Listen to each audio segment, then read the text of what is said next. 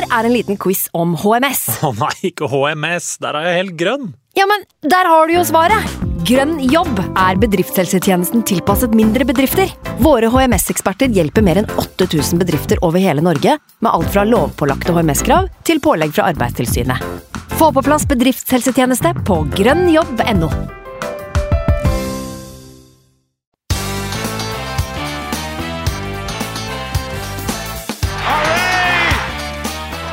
Bergkamp.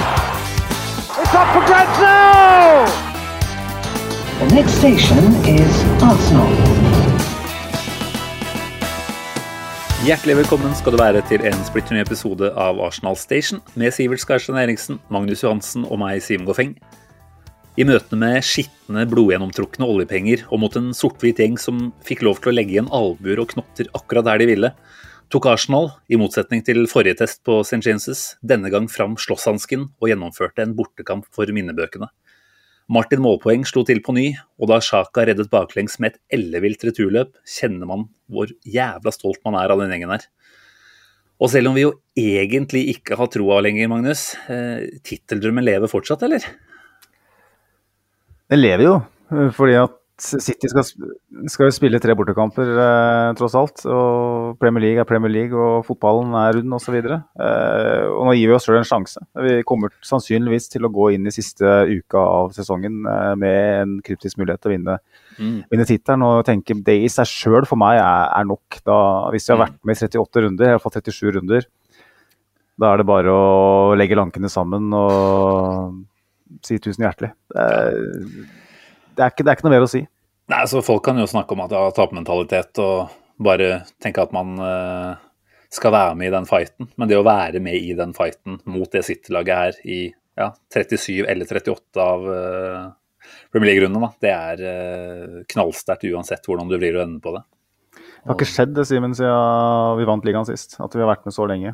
Uh, og vi har sikra andreplassen nå. Eh, for første Ja, vi vant, ble vel nummer to i den eh, sesongen hvor uh, Leicester vant. Da. Da, I two horse race mellom Leicester og Tottenham.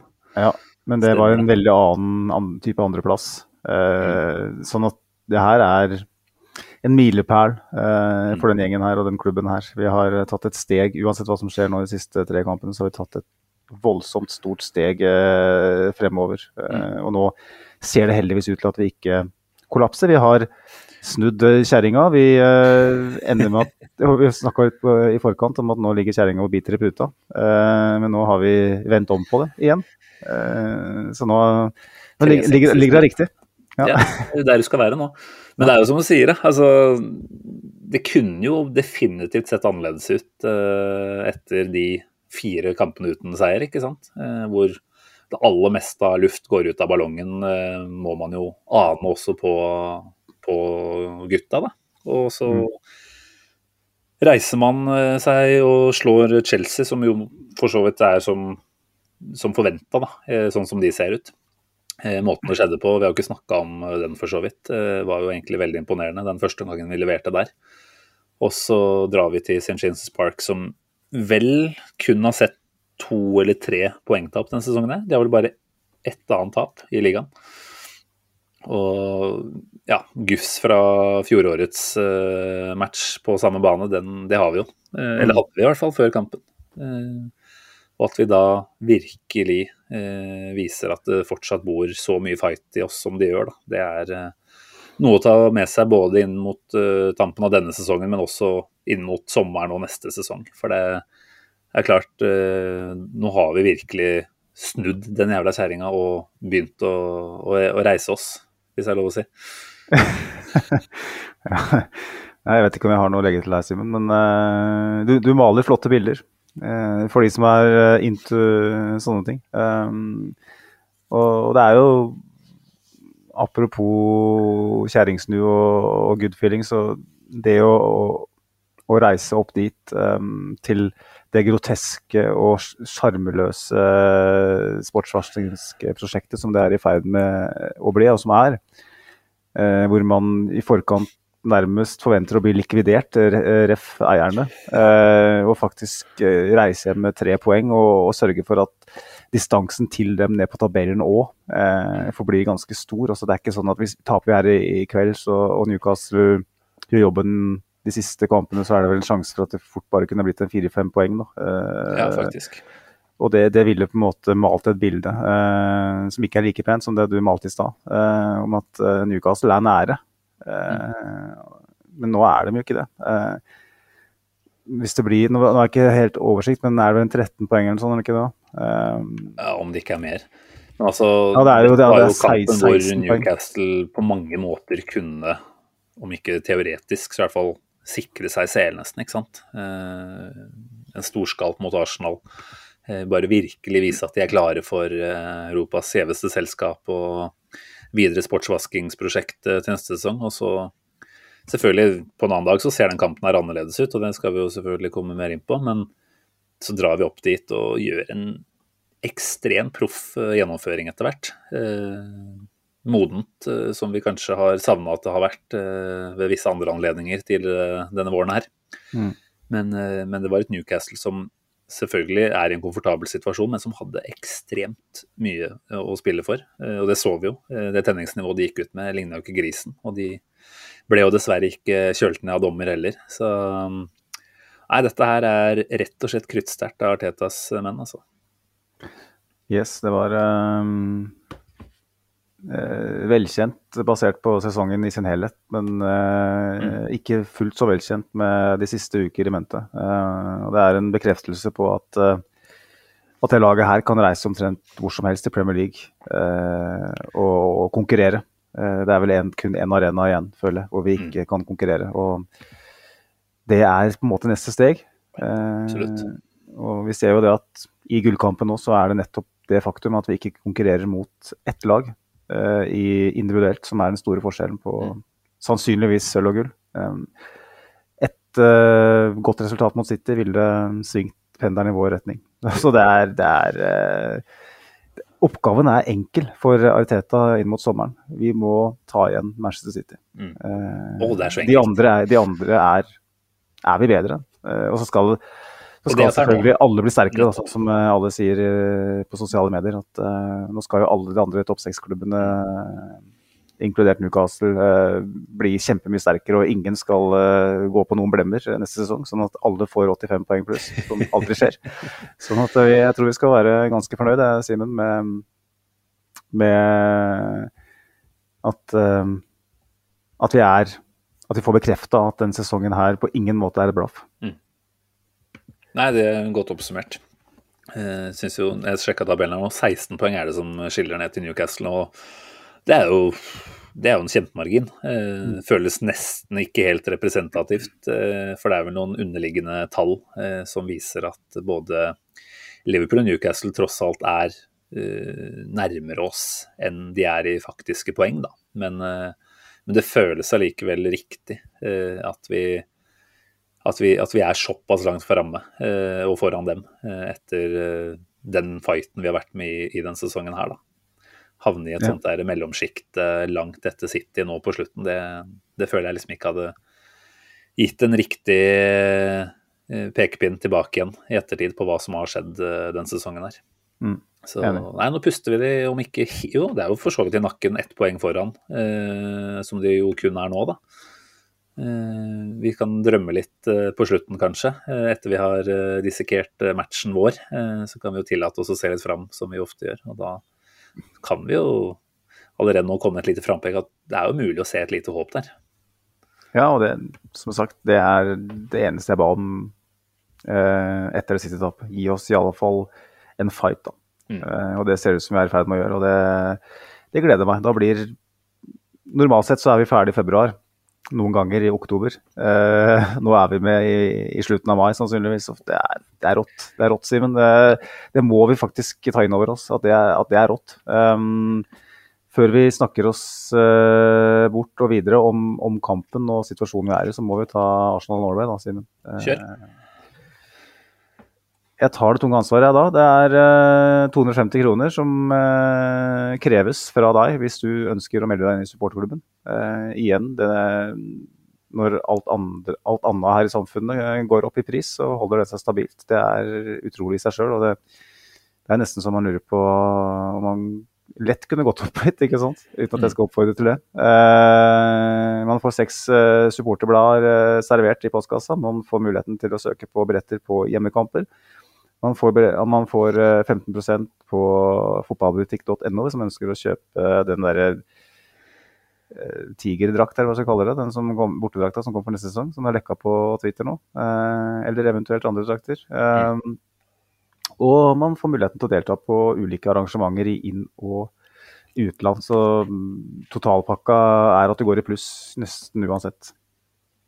Ja, på alle måter. Nå er det vel sånn apropos arrangementer, eh, sånn at Arsenal Norway arrangerer en samling i Bergen, er det ikke det? Eh, på tampen av sesongen her. Eh, det var vel i utgangspunktet satt opp til å være den Chelsea-matchen nå som ble flytta, da, som det skulle møtes til. Men nå tror jeg, hvis jeg har fått med meg rett, så får Ronny Perez Madsen arrestere meg hvis det er feil, men det er vel en, en Bright Nei, den bortematchen mot Nottingham Forest hvor de har planlagt å møte der, da. Så om det er lyttere her som, som hører til i det området der av landet, så kan vi anbefale å, å troppe opp på felles eh, sekvens der med både øldrikking og, og er vel noe middag og, og match i, i, samråd med mange andre. Sjekk uh, Arsenal Norway sin Facebook-side på uh, Facebook. Gjør det. Så uh, der, der, finner du masse informasjon. Der finner du mye rart, det skal sies. Mye bra info, mye fine diskusjoner og litt rare ting. Men, men alt er underholdende. Det er definitivt underholdende. Selv om mange lar seg provosere. Ja. Men greit. Fint. Bra levert. Da syns jeg Ja, jeg gleder meg skikkelig til å snakke om kamp i dag, rett og slett. Uh, vet ikke helt hvor vi begynner, jeg. Altså, fristende å igjen bare skru tida igjen tilbake til det som skjedde på samme bane for det er vel ca. et år siden akkurat, er det ikke da? Og nest siste seriekamp, eller tredje siste, i fjor?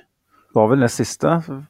Ja. Det var jo da var jo situasjonen slik at eh, etter å ha tapt mot Tottenham, så kunne vi fortsatt ha initiativet inn i siste runde med seier mot Newcastle. Stemmer, stemmer.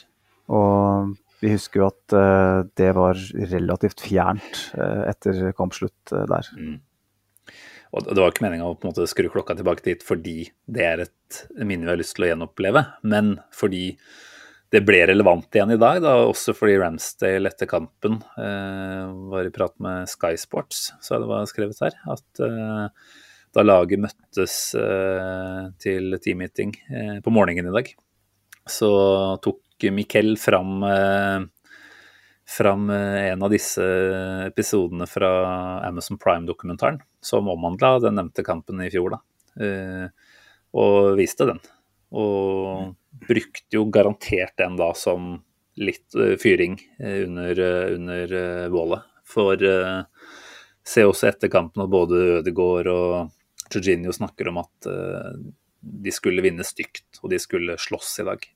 Det var helt tydelig at det som da definitivt mangla i den kampen her i fjor, det skulle de stille opp med i dag.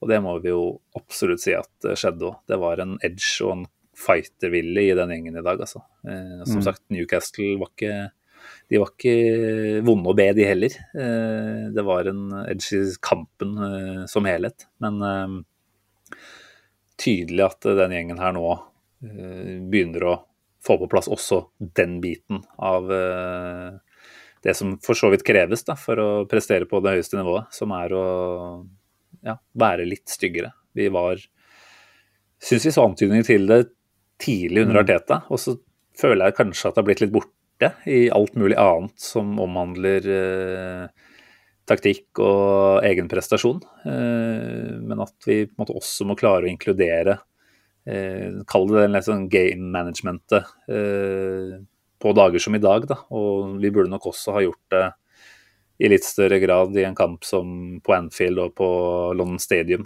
eh, for noen runder tilbake. Hvor eh, vi med litt annen type innstilling hadde muligens klart å hente med oss eh, tre poeng i de kampene der. Da. Så mm. vi får kalle det en del av prosessen, får vi ikke det? Ja, vi snakka jo om det i forrige episode, jeg og Sivert. Eh, nettopp det der med å, at Arteta kanskje rett og slett eh, har havna i en komfortsone med den plan A. Eh, det er hans go to-plan. Eh, han mener at det å fravike fra den vil eh, sende et fnugg av tvil inn i troppen om at fyren vet hva han snakker om. ikke sant? Eh, Bayen i spillergruppa og ikke minst i omgivelsene er, er, viktig. og støtter jo den at, at det å på en måte ha ståltro på det man driver med på treningsfeltet hver uke, er viktig.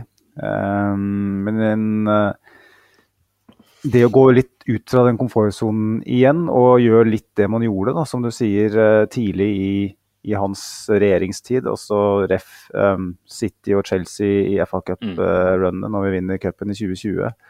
Uh, gjør noe som er helt unaturlig for han, uh, sånn ide uh, ideologisk. Og han står og coacher laget gjennom kampen. nesten har støttehjul på spillerne, ikke sant. Og jeg syns vi så i dag at han var litt mer aktiv igjen fra sidelinjen. At i dag så, i dag så må vi faktisk ta hensyn. I dag så må vi, selv om vi gikk ut og ble fillerista første fem minutta, så fikk jeg en følelse av at iallfall underveis så, så, ble det på en måte tatt grep, det ble tatt hensyn til, til Newcastle. At her, her, må vi faktisk prøve å drepe momentumet til Newcastle i kampen. Vi må bruke, god, vi må bruke tid på alle uh, spillavbrudd. Husk, så jo det tidlig i kampen at Newcastle-fansen pep jo omtrent ja, som det skulle vært uh, Sunderland. Altså, ja. Eddie Howe var ute og klagde litt på det etter kampen også, at, uh, Arsenal fikk altså Kanskje ikke de fikk lov, men at det var frustrerende da, at Newcastle ønska å holde ballen i spill. Og at Arsenal ikke tillot det. Og det er jo det, er det deiligste, fordi den Arsenal-Newcastle rett rundt nyttår det er mm. vel sannsynligvis verdensrekord i drøying og lite effektiv spilletid. Så nå var jo Newcastle-fansen på nakken vår i, helt, helt, i startfasen der. Det tenker jeg jo forferdelig deilig hevn, da. Å, å sende tilbake igjen dit. Eh, og at vi også kan holde på med litt sånn shithousery. Mm. Eh, nettopp. Og det, det, føler jeg var oppskrifta på Arsenals vei inn i kampen. Um, for de første fem, seks, sju minuttene der så var det jo fullstendig panikk eh, bak i rekken. Og det tror jeg nesten alle lag som hadde reist til St. James' Park, ville opplevd. Jeg, jeg, tror det er få klubber i verden som ville reist hit og ikke opplevd akkurat det samme som Arsenal gjorde de første minuttene der. fordi det er et så massivt trøkk på St. James' Park akkurat nå. Det er en sånn ståltro på alt som foregår der. Du har eh, en Alexander Isak som er helt ustoppelig. Eh, de skåra seks mot Tottenham, de skåra fire vel mot eh, Everton borte. Skårte fem borte mot Westham. Tre hjemme mot Southampton. De, jeg, har ikke, jeg, har ikke, tallene på det, men jeg vil jo tro at det kun er City som har skåra mer enn de siste fem-seks kampene. Den er akkurat på sitt beste sted den har vært siden 96, når de nesten vant ligaen. Eh, nå, er det, nå er det Fort St. James' Park i mye større grad enn det var for et år siden vi var der. Eh, og eneste måten jeg tror vi kunne komme oss inn i den kampen på, var, på det tidspunktet, var å ha marginer, mm. som vi hadde. Men også eneste, hver eneste spillstopp så må Arsenal bruke tid. på å ta stinget ut av det. Få, få, den atmosfæren til å dempe seg litt, sånn at vi kan spille vårt spill. Og jeg syns det er, er sterkt av de Arsenal-gutta. Um, de som skal ta de innkastene, de som skal, uh, altså Ramsdale som skal slå de utspillene og begynne med det allerede etter seks minutter. ikke sant? Det var jo ikke så ille heller, da, vil jeg påstå. Altså, det var jo en uh, supporterskare der som var på nakken etter tre sekunder. Altså, de tillot jo nesten ikke å, å, vente noe der før de begynte å, pipe heller. Ja, vi pusha det selvfølgelig litt etter hvert, men det er ikke i nærheten av sånn som det var uh, da vi tok imot Newcastle, vil jeg påstå. Så... Nei, nei, nei, selvfølgelig. Det, men Newcastle var jo på, på, det tidspunktet et lag som gjorde det her i, i vanskelige matcher. Det er ikke noe Arsenal gjør, ikke sant. Uh, det er litt ulikt, uh, som jeg snakket om, utafor komfortsonen og til realitet. Og, oppfordre spillerne sine til å uh, ikke sette tempo, ikke ta føringen i kampen. Bare, bare lev med Bare, bare overlev de første ti minuttene ta Sting ut av det. Og når dere får muligheten, Så spill gjennom. For at Newcastle Det er jo paradokset, da. Uh, Newcastle, som vi husker da tilbake i desember, eller når det var, Uh, første nyttårsdag, jeg husker ikke helt eksakt, var jo bunnsolide defensivt. Eh, fordi at de tok så hensyn til oss. Eh, I dag så var de alt annet enn bunnsolide. Det var ganske Når man først eh, kom seg gjennom første pressledd, så var det ganske greit å spille seg gjennom hele veien. Absolutt. Og Ja, det var en formasjonsendring Howe gjorde også der, med å sette både Wilson og Isak fra start. Så Mm. det er klart, det sier seg selv at de er, de er framtunge og livsfarlige eh, den veien, da, men det skal være enklere å, å ja, Trengte ikke nødvendigvis å brodere seg heller. Det gikk an å bare stikke de ballene ganske rett og pent, eh, uten at det var de store utfordringene. Vi kunne jo definitivt ha gjort enda litt mer ut av det også.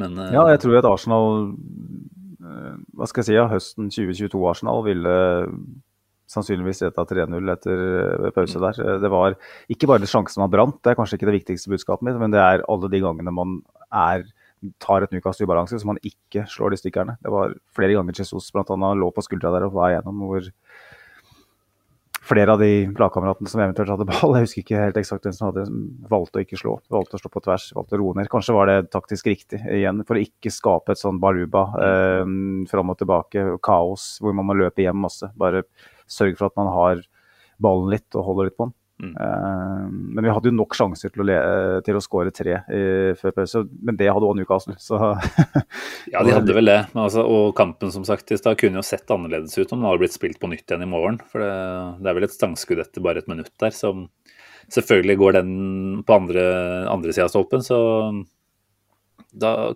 kan den kampen her løpe fra oss i løpet av uh, veldig kort tid. Mm. Eh, da kan man bli sjokkert og ikke komme seg opp igjen i det hele tatt. Eh, nå var jo ikke det noen stor sjanse i seg selv, så for så vidt helt greit, tenker jeg, at den ikke går inn. Det var jo større sjanser seinere som eh, ikke ble omsatt. Men Mm.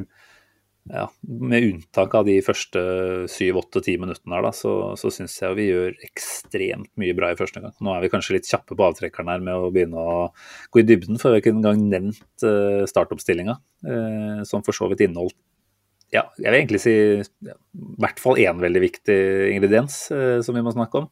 Kanskje også to, selv om Kivior fikk sin første start mot Chelsea og for så vidt gjorde ting kjempegodt der, så, så var det kanskje ikke 100% sikkert at han ville få fornya tillit til den her, eh, uten at det var noen som helst grunn til å ikke gi han det. For han, han var solid mot Chelsea, men det var strengt tatt ikke en test. Eh, det var en Aubameyang på topp som gir totalt faen og er han ønsker seg vel tilbake til Barcelona. Ehm, Så jeg hadde jo en tanke om at Rob Holding kanskje ville komme inn igjen her. Eh, Veldig glad for at man fortsatte med Kivior. Eh, Sprer jo en trygghet og en komfort i det leddet bak der som Rob ikke er i nærheten av. Eh, Selv om man selvfølgelig kan se på pasningsprosenter og sånn at også Holding har kommet ganske ålreit ut av noen av de kampene han har vært inne. da. Så, så er det et eller annet med igjen, Jeg vet ikke om det er bare jeg som føler det sånn, men jeg vil også føle at det er en opplevelse f.eks. at Gabriel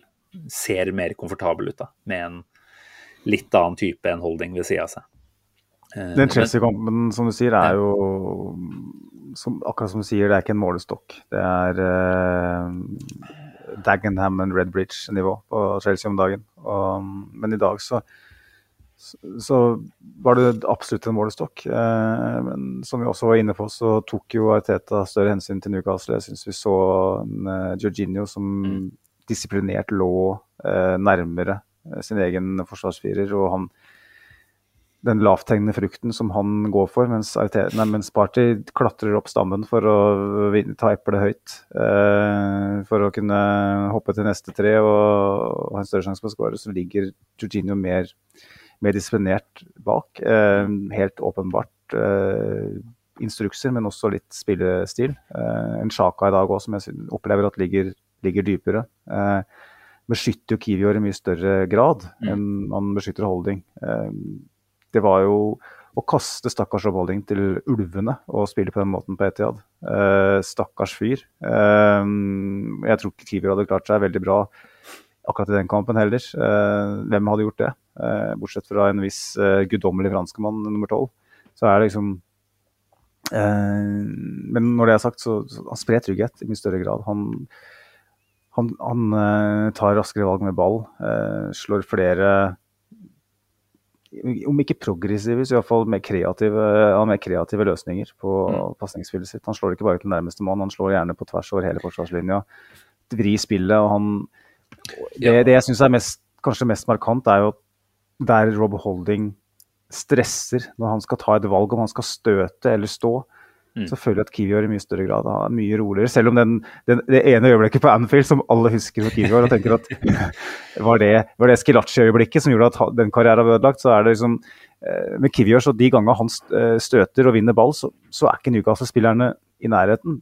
Da, han, da, virker kalkulert. Det virker som han har veldig god kontroll på når han skal stå når han skal gå. Uh, Iallfall den kampen her, da. Så jeg er veldig imponert over, over det. Jeg tenker det er viktig å ikke bruke et innhopp på Anfield i den gryta som var da, eh, på noen som helst måte til å tenke at det er representativt for hva Kiwior både er og, og, kan bli. da. Nei, Han var veldig god i dag, og jeg syns en annen viktig ting han gjør Og igjen, ikke for å ta holding der, men han kvitter seg med ball raskere, mer effektivt. Altså Holding mener jeg huske, uten at jeg kan gå helt god for det, har vel ofte vist seg å ha ganske mange touch. Uh, mm. At han ofte står med overraskende mange flere touch enn Gabriel f.eks. Det handler jo selvfølgelig litt om at han får tida eh, av uh, motspillere til å, til å stå på ball, fordi han er ikke like skummel med ballen i beina. Men det handler også om at han ser litt saktere hvor den ballen bør gå, og mm. alt tar litt lengre tid. da. Uh, men igjen, jeg har ikke lyst til at det her skal være noe sånn anti-holding, men Pro Kivior, han er effektiv, han leser jo spillet meget bra allerede som Hvor gammel er han? 21-22? Eh, tror vi har ganske lovende ting i vente her. Eh, og dette her er da, skal vi si, på feil side, da. Eh, selv om vi har en litt vridd eh, bakre treer der som gjør at han vel egentlig fungerer som en midtstopper, midt-midtstopper. Eh, der Gabriel trekker mer ut på venstre. Eh, så tenker jeg at det, det er lovende. Og du ser at han slår mye med høyrefoten også. Så mm. god fotballspiller, rett og slett. Men Jorginho, som du allerede har vært inne på, Magnus, for meg, selv om Martin Ødegaard var fantastisk god i dag, eh, så føler jeg nesten at Jorginho blir en slags BB i måten han ja, opplever i hvert fall, jeg har ikke sett så mye på tallene, men opplever at han kontrollerer den kampen her i form av eh, hvordan han posisjonerer seg, og hvordan han hele tiden Ok, ikke hele tiden, det var å dra i litt, eh, men i stor grad sørge for at Arsenal har ganske god kontroll også når vi ikke har ball. da. Vi er vel mm. på feil side av 50-tallet når det kommer til ball possession i dag. Eh, Newcastle har vel 55 ca. Men eh, det er et eller annet med Jorginhos måte å lese spill på, måte å plassere seg, som gjør at det oppleves relativt trygt store deler av tida. da. Eh, det er jo egentlig mm. noe jeg vil si Party er uh, god på. Ja. Uh, så det er på en måte ikke noe å ta ham på, men man blir jo litt der man tenker hva kunne en Jorginho ha bidratt med i noen av de foregående kampene uh, på litt tidligere stadier. på Etiad, ikke sant, hvor en Party ikke var helt fit, kanskje. hvor han Det er lett å si det også i ettertid, selvfølgelig, men kanskje lå feil da, i forkant av 1-0-skåringa, og i hvert fall ikke klarte å hente seg inn igjen. Hva kunne en Jorginho ha, ha, bidratt med i, i disse kampene? Uh, mm. Arteta sa det vel før kamp at uh, det er vanskelig å utelate spillere. Han har jo en del gode å velge mellom på en del posisjoner etter hvert, men jeg tror vel kanskje at det er et snev av anger eller, hos Miquel også, på at han ikke kanskje gjorde noe annerledes eh, når det kommer til uh, Jorginho. Én ting er jo hva han gjør altså med ballen i beina og sånt, men som du nevnte så vidt her tidligere òg, det er jo en, en, ledertype og en personlighet som vi kanskje savna da, eh, i noen av de foregående matchene. Definitivt. Um, og så tror jeg også at vi tilpasser uh, taktikken vår etter at vi spiller med et, ja, Altså etter Jorginho. Um, opplever, opplever det. Og um, det ville vi jo ha gjort uh, hvis, mm. hvis, han hadde spilt uh, mot Manchester City. Og vi husker jo at han spilte en ganske god kamp hjemme, i hjemmekampen mot, uh, mot City. Var en av de som sto fram i den kampen. og en spiller som du kanskje ikke legger så godt merke til hvis du ikke holder med det laget han spiller på, andre, bortsett fra de gangene han ser ut som eh, oldemor eh, tempomessig eh, i omstilling defensivt. og Derfor så får han et rykte som er veldig ufortjent. Eh, og Vi har vært med på å skape det ryktet sjøl, vi Siven. Vi har ikke sett alle Chelsea-kamper, eh, sånn at vi har liksom bitt oss merke som alle andre. Det er en veldig enkel fallgruve å gå i. at Han fyren her han har ikke fysikken og tempoet til å spille i Premier League, rett og slett. Passer ikke inn i en sånn divisjon. Så begynner man liksom å gå i dybden, så ser man på tallene, uh, som er veldig gode, og har vært gjennomgående gode. Så lurer man hvordan, hvordan klarer du å få slike tall konsekvent over tid? Det må handle om, du må gjøre noe riktig. Mm. Og når man, når man studerer den på nært hold, sånn som vi gjør nå, så ser vi at dette her er jo en, en spiller vi skulle hatt for flere år siden. Eh, det er nesten synd at vi ikke fikk tak i den eh, det sommervinduet for eh, tre år siden, eller kanskje før. City ønska han jo. Mm. Hvordan hadde renommeet til Jorginho vært i dag hvis Chelsea ikke hadde hijacka den dealen nå, som, gjør, som ikke er noe nytt, bare for å si det. Jeg tipper Jorginho har hatt en veldig høy stjerne i, fotballen. Han har jo forstått det, men på en annen måte. Han ville vært en, et referansepunkt i mye større grad enn det han er. Og i dag så eller i går, da, for de som lytter, så har han 15 pasninger mer enn noen andre på Arsenal. Han har 53 pasninger, det er 15 flere enn Zinchenko. Og han går jo da av, da, Zinchenko, det skal sies. Han er jo en spiller som tar mye plass i possession. Så har Jorginho to nøkkelpasninger, som er flest, sammen med Martin 15 og Martinelli. Og så én ballgjenvinning, som sier egentlig ganske lite akkurat det siste der. for at han står hele veien der ballen detter ned. Han, han dekker de rommene som Party ikke har dekka de siste kampene. Han beskytter de eh, som spiller bak seg på en mesterlig måte, og det syns jeg var mest imponerende, er måten han på kynisk vis stykker opp spillet. Det har vi sett i en del matcher. og at han, eh, han vet at han får en i rygg. Vi vet at Gendosi var god på det, vi vet at Sjaka er god på det, og han bare, bare venter han inn og tar frisparket. Og så bruker han kvarter på å komme seg opp. Og så dreper han momentumet til Newcastle hver gang de er i nærheten av å få det. Det er kjempekynisk, dritkjedelig å se på, men for den som heier på det laget, det er, det er akkurat det vi trenger i en sånn kamp. Det er akkurat det her vi har savna i de kampene hvor vi ikke klarte å gjøre jobben. Mot Westham, mot Liverpool eh, spesielt. Mm. Altså var det jo meg inkludert en tanke om uh, før den kampen her at Jorginho mot den ekstremt fysiske midtbanen til uh, Newcastle kunne potensielt bli stygt. Uh, og at man tenker sånn at Party kanskje er best egna, da. Eh, dersom han hadde vært 100 eh, fully fit, så kan det hende at han også hadde starta her. Men som du er inne på, da, altså Jorginho er så intelligent. da, Ekstremt smart spiller. Og unngår egentlig å havne i de fysiske nærduellene i noe særlig grad. Står og sviper og sørger egentlig for at vi ja, kontrollerer og har en trygghet. Da. Uh, også uten å, å måtte prege, prege, det fysiske aspektet ved, ved, den kampen her. Så jeg tenker hadde vi skulle spilt på Newcastles premisser sånn sett, da, og, og blitt med på den Det var jo en fysisk kamp, altså det var fram og tilbake og intens, selvfølgelig. men hvis det hadde blitt en sånn ordentlig, kall duellmatch da, på midten der, så, så tror jeg nok eh, Jorginho også ville tapt. Men han unngår jo å havne i de, eh, i de kampene der, rett og slett fordi han forstår eh, fotballen så ekstremt godt. Mm. Så ja, nei, jeg, jeg, sier at Arteta kanskje har et snev anger. Jeg er jo ikke i tvil om at jeg har det, i hvert fall. Og det er jo åpenbart lett å tenke i ettertid der, men, eh, men med en eh, Party som ikke var helt der han skulle være sannsynligvis mot City, så hadde det vært veldig interessant å sett eh, hvordan eh, italieneren, brasseitalieneren vel, eh, hadde, hadde, klart seg på Etiad også. Men det er for så mm. vidt uh, langt tilbake i tid nå, så det er ikke så veldig aktuelt. Men uh, enkelt og greit, jeg tenker at Jorginho står uh, nå. ingen grunn til å ta ut han, eller tenker du Arteta plutselig kaster Party inn til fordel for Eller istedenfor Jorginho i neste? Som vi kjenner Arteta, så når han først har um, funnet en formel som funker, så rikker han ikke en tomme der uh, før, før, det begynner å, å, å, rase litt. Det er kanskje den som jeg snakket, ikke kanskje som vi har snakka om, som veldig mange andre har snakka om de siste par ukene. Podkaster jeg har hørt, meningsbærere jeg har uh, lytta til.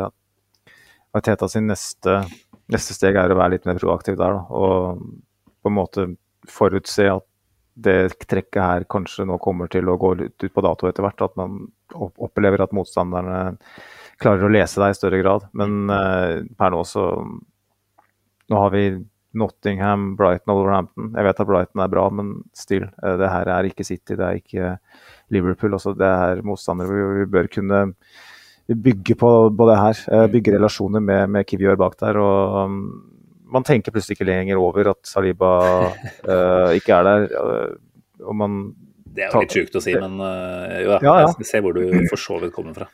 Det er etter én kamp, da. Det er jo veldig knee jerk, som man sier. Og, men i dag så starter vi altså borte mot Newcastle. Jeg vil påstå topp tre vanskelige bortekamper i Premier League hvis man ekskluderer Arsenal. Per nå topp to, vil jeg si. Uh, og man mangler kanskje den viktigste de to viktigste spillerne eh, dypt på banen når det gjelder å, å få ballen gjennom ledd og skape, skape overtale farligheter offensivt.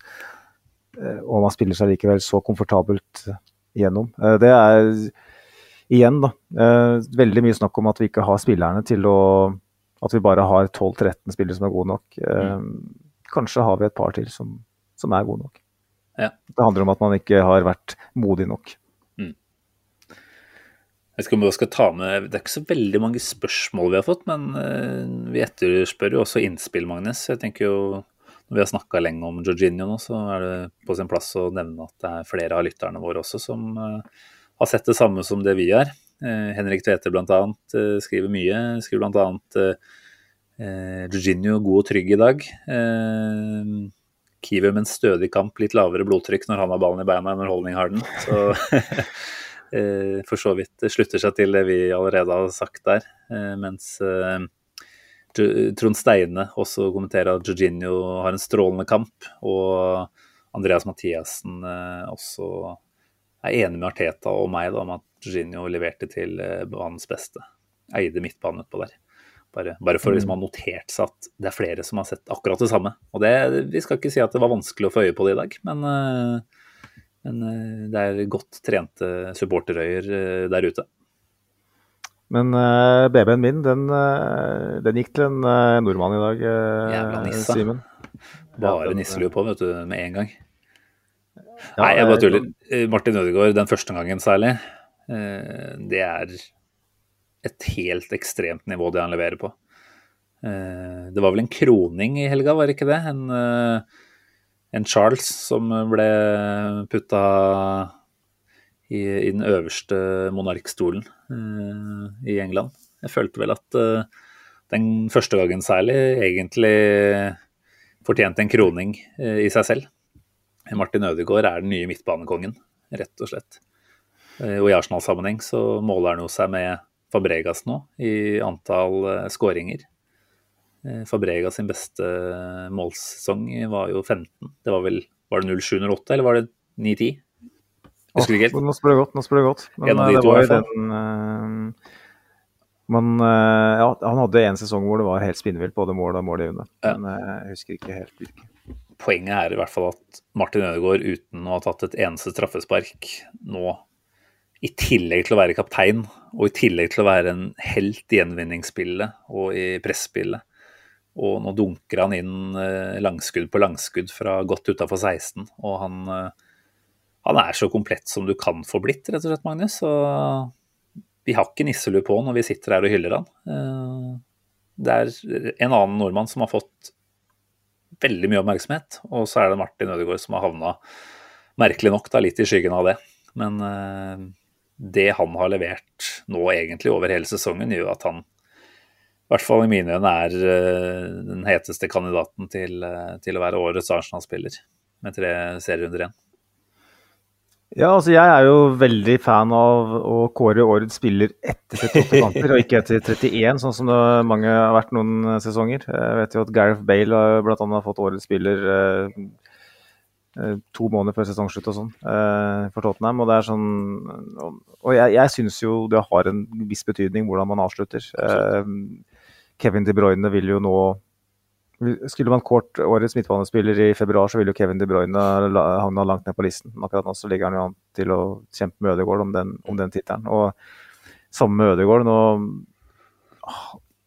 var han litt off the boil i de kampene hvor vi ga fra, ga fra oss initiativet i, i gull, gullkampen. Og det prega min eh, mitt syn på hans sesong. Eh, jeg følte at han trengte, for å virkelig krone da, den sesongen her, og få den tronen, i alle fall i Arsenal-sammenheng, så måtte han slå tilbake i de kampene her og vise at, uh, at han ikke bare kollapser inn uh, de siste sju-åtte kampene. Og det er jo ikke tilfeldig at han at, at laget som helhet reiser seg når Ødegaard begynner å fyre på alle sylindere igjen. Han åpenbart et offer som alle andre eh, for et kollektiv som svikter, men jeg syns jo at han eh, igjen etter den der landslagspausa eh, Vi har kritisert han for det mange, mange ganger. At når han har vært på, vært på tur med Norge, så bruker han to-tre kamper på å virkelig finne seg rytmen igjen. Samme når han er skada. Mm. Vi har sagt det mange ganger i podkasten, ja, ja, så jeg det. Ikke noe nytt. Det skjedde litt igjen, føler jeg. Uh, den pausa, det var vel foran Leeds-kampen, var det ikke det? Uh, jo, mellom Palace og Leeds var det en landslagspause, den siste. Når eh, Hva skal jeg si, ja? Eh, narrativmessig eh, interessant at eh, etter det så var Haaland på sitt beste nivå, nesten et, uten å ha spilt for Norge, mens Ødegaard droppa. som spilte da 180, selvfølgelig, for Norge. Så kan man selvfølgelig, de som ønsker å det et sånt bilde, får gjerne finne fram penselen. Men jeg tror ikke det er, jeg gidder ikke å, å, dra noe videre på den. Mitt poeng er at Ødegaard ikke tåler avbrekkene godt nok. Men igjen, som jeg sier, viktig at han plukker opp hansken nå. Avslutter sterkt og gir Arsenal iallfall en fighting chance uh, inn mot de siste par ukene av sesongen. Og i dag, så, det første omgangen i dag, det er det beste jeg har sett av Martin Ødegaard. Og det mener jeg basert på nivå på motstander. Vi møter mm en av per nå Europas sikkert sju-åtte beste lag i form, eh, minst. Eh, på en arena og heksegryte uten like. Akkurat de anledningene Martin Ødegaard er beskyldt for å ikke takle. Og det kom ikke nær han. Altså han, han, beveger seg på en måte uh, uten ball som gjør at selv med det presspillet Newcastle har, den intensiteten de har, kommer ikke nær han. Har hav rom hver eneste gang. Han er så intelligent. Du ser jo De øvrige offensive Arsenal-spillerne får jo eh, albuer og skuldre i ryggen over hele fjøla, men Ødegaard er de ikke i nærheten av. Kommer ikke opp inn. Og skårer et, et, fint mål og burde hatt en målgivende når han sender Martinelli gjennom rett etterpå. Og har hver eneste uh, involvering uh, utafor 16-meteren uh, er perfekt. Mm. Det eneste som trekker ned, er den at han ikke setter en 2-0 på overtid der. Uh, utover det så gjør han Jeg kan ikke huske at han gjør en eneste jævla feil. Det er en perfekt omgang av Martin Ødegaard. Og så nære en tier som jeg har sett av en nasjonalspiller denne sesongen her, den uh, første omgangen. Og så dropper han litt i andre. Uh, derfor så er Jorginho med i samtalen, men for meg så Når man ser noe sånt, når man ser en fotballspiller på en måte rett og slett er verdensklasse i 45 minutter, da, da må du anerkjenne det. Ja, absolutt. Nei, det er til å grine seg litt i øya, det han holdt på med der. Eh, for som du ser, man har jo nesten, Det har blitt en liten sånn myte da, at han ikke stiller opp, kan du nesten si, eh, og dominerer i hvert fall, som ønsket eh, på disse litt vanskeligere bortekampene. Og det, det kan jo for så vidt kanskje stemme til en viss grad, men se jo av de målene han skåra nå, 15 stykker, så har ni av de satt på bortebane. Mm. Så det er jo et uh, narrativ der som kanskje ikke har helt rot i virkeligheten heller. Uh, jeg husker ikke, Han skåret bl.a. to mot uh, Bournemouth, ikke sant? som på det tidspunktet må sies å ha vært et hyggelig sted å komme til. Mm. Men, men, at han er så langt unna å, å, prege fotballkamper og delta i Altså ja, Etiad den var spesielt dårlig, kan du si. Men foruten så har han jo vært god på Old Trafford. Herja på uh, på lillebrorsbane litt oppi veien der. Så Mm. det er en eh, gutt, eller en mann, sorry, ikke en gutt lenger, som har tatt uh, noen elleville steg nå, og som stort sett uh, klarer å, å sette sitt preg på kampen uansett hvor det er. Og den målgivende, eller det som burde vært målgivende, uh, som du var inne på tidligere, den, det har jo nesten blitt en sånn signaturpasning.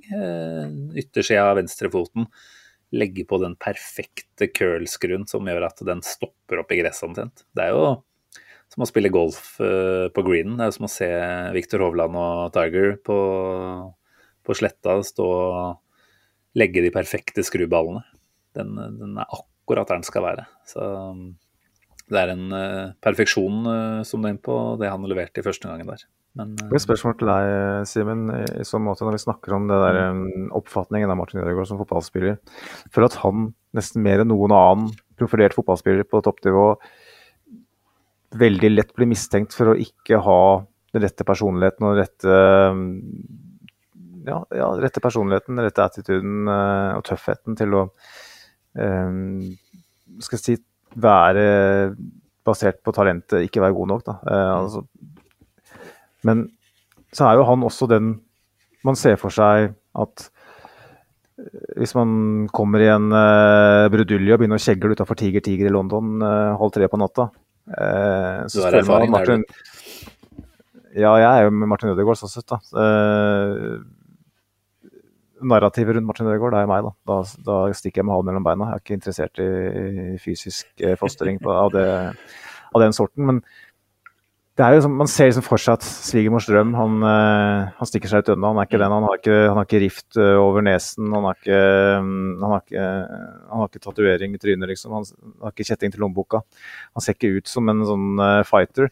Og da, etter bare tre kamper hvor han underpresterer litt, så er det liksom allerede den derre ah, uh, er snill gutt. Han, Ja, det er kort vei dit. Er det, er det, er, tror du det, Simen, fordi at han ser litt ut som han gjør, han oppter seg på den måten han gjør, at han er litt forsiktig, han virker litt sånn tilbakeholden sånn i media. altså er det, er det liksom et, igjen da, for å ikke misbruke det begrepet igjen, en narrativ rundt han som gjør at vi, at massene lett tenker at han eh, på feil grunnlag tenker at han ikke har personlighet. Altså Hadde han sett litt annerledes ut, hadde han hatt eh, langt hår og sett ut som Haaland, så, så, så hadde vi ikke Ikke vi, da, men de som de utenfor, da. Ja, jeg vet ikke hvor utbredt akkurat den oppfatninga er. Altså, ja, jeg skjønner jo hva du sier og uh, har jo registrert det, men uh, jeg, jeg tror ikke det. Uh, Det er veldig aktuelt i Norge. altså Landslagsversjonen av Martin Ødegaard er jo veldig beskyldt for å ikke ta ansvar. Kanskje kanskje har, har det endra seg litt jeg siste uh, tida. ja, jeg føler jo nesten på landslaget så har jeg sett vel så mye om at Ødegaard og Haaland ikke er i nærheten av å få den støtta de trenger eh, rundt seg på laget, å, og en Solbakken som ikke helt klarer å få det beste ut av Martin Ødegaard. Selvfølgelig så er det også et, et eh, punkt å, å peke på han som type og karakter eh, selv, men eh, jeg, ja, jeg klarer ikke helt å si at jeg har sett at den der er så utbredt, altså. Men, men du har nok et slags poeng, og i hvert fall når man eh, vet hvordan engelske pundits og sånn eh, ofte er litt gammeldags i måten de eh, vurderer eh, ja, så banale ting som utseende på spilleren, og hvordan det skal henge sammen med personlighet og attitude. Da.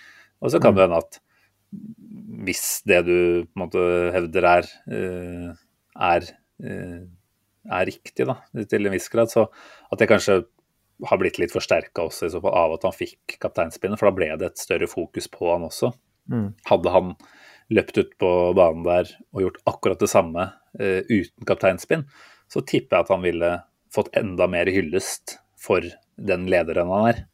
Uh, for han gjør jo en kapteinsjobb på absolutt alle måter, uh, annet enn å gå rundt og gjøre småstygge ting da, med motstanderen og gå knallhardt inn i dueller. Men eh, ja, nei, jeg vet ikke helt hva jeg skal svare på der. Jeg tror ikke nødvendigvis du har helt feil eh, i det du Nei, jeg vet ikke. jeg vet ikke, altså Det er bare en oppfatning som Ja. sniker, sniker seg litt inn hos meg. at eh, Blir han Ja, uh, urettferdig uh, dømt på bakgrunn av et uh, image som han Men kanskje det var ja, litt hva du selv går og tenker òg, jeg vet ikke. Altså, Nei, jeg, jeg er jo uenig med, Ja. med den oppfatningen, men det er litt sånn I hverdagsdebatten føler jeg at det, er, det, det fortsatt, henger litt igjen, da, det som har vært tidligere. At det, han er ikke han, har- han har ikke ballene til å lykkes på det nivået her. Han er for snill gutt. Altså, ak- ja, akkurat den eh, køen på Tiger Tiger kan jo hende man ser for seg at en Ramsdale er safer å ha ved siden av seg der. Men jeg tror Martin kunne klart å kanskje snakka seg ut av den situasjonen da, istedenfor. Eh, Så det handler litt om hva slags kvaliteter igjen man ønsker at den lederen skal ha. Eh, Det er kanskje ingen som tikker absolutt alle bokser, men eh, Martin er jo ganske close på å dytte bort på de fleste av de, i mine øyne. Og det er jo åpenbart en fyr som har ganske mye En stemme som bærer mye mer eh, innad. Eh, det er ikke en fyr som liker å Som driver med spilling of beans. Nei, apropos svigermors drøm. Jeg kan jo høre litt med spilling og co. og hvordan det har vært på de familiemiddagene der. Jeg kan jo se for meg at han er den beste karen å ha med seg til, eh, til svigers på søndagsmiddag. Tenk vi får med oss gammel fru Spilling på innspilling her. Det var gøy. Hvordan er Martin Nødegaard på familiemiddag? Ja, da er vi desperate i så fall. Men det, det er vi jo, så det kan hende vi prøver. Lite skup.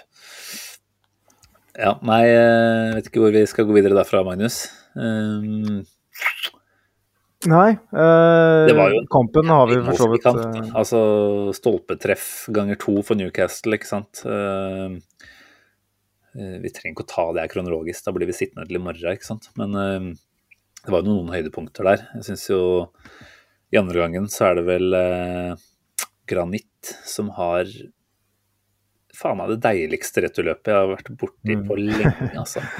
Willoch som får den ballen omtrent på femmeteren, og får vel faktisk fyrt av også. Men da har Granit Xhaka rusha tilbake 40 meter langspurt og få akkurat kasta seg inn foran. Da, da var det ordentlig sånn opp og i helvete så deilig dette her er, altså.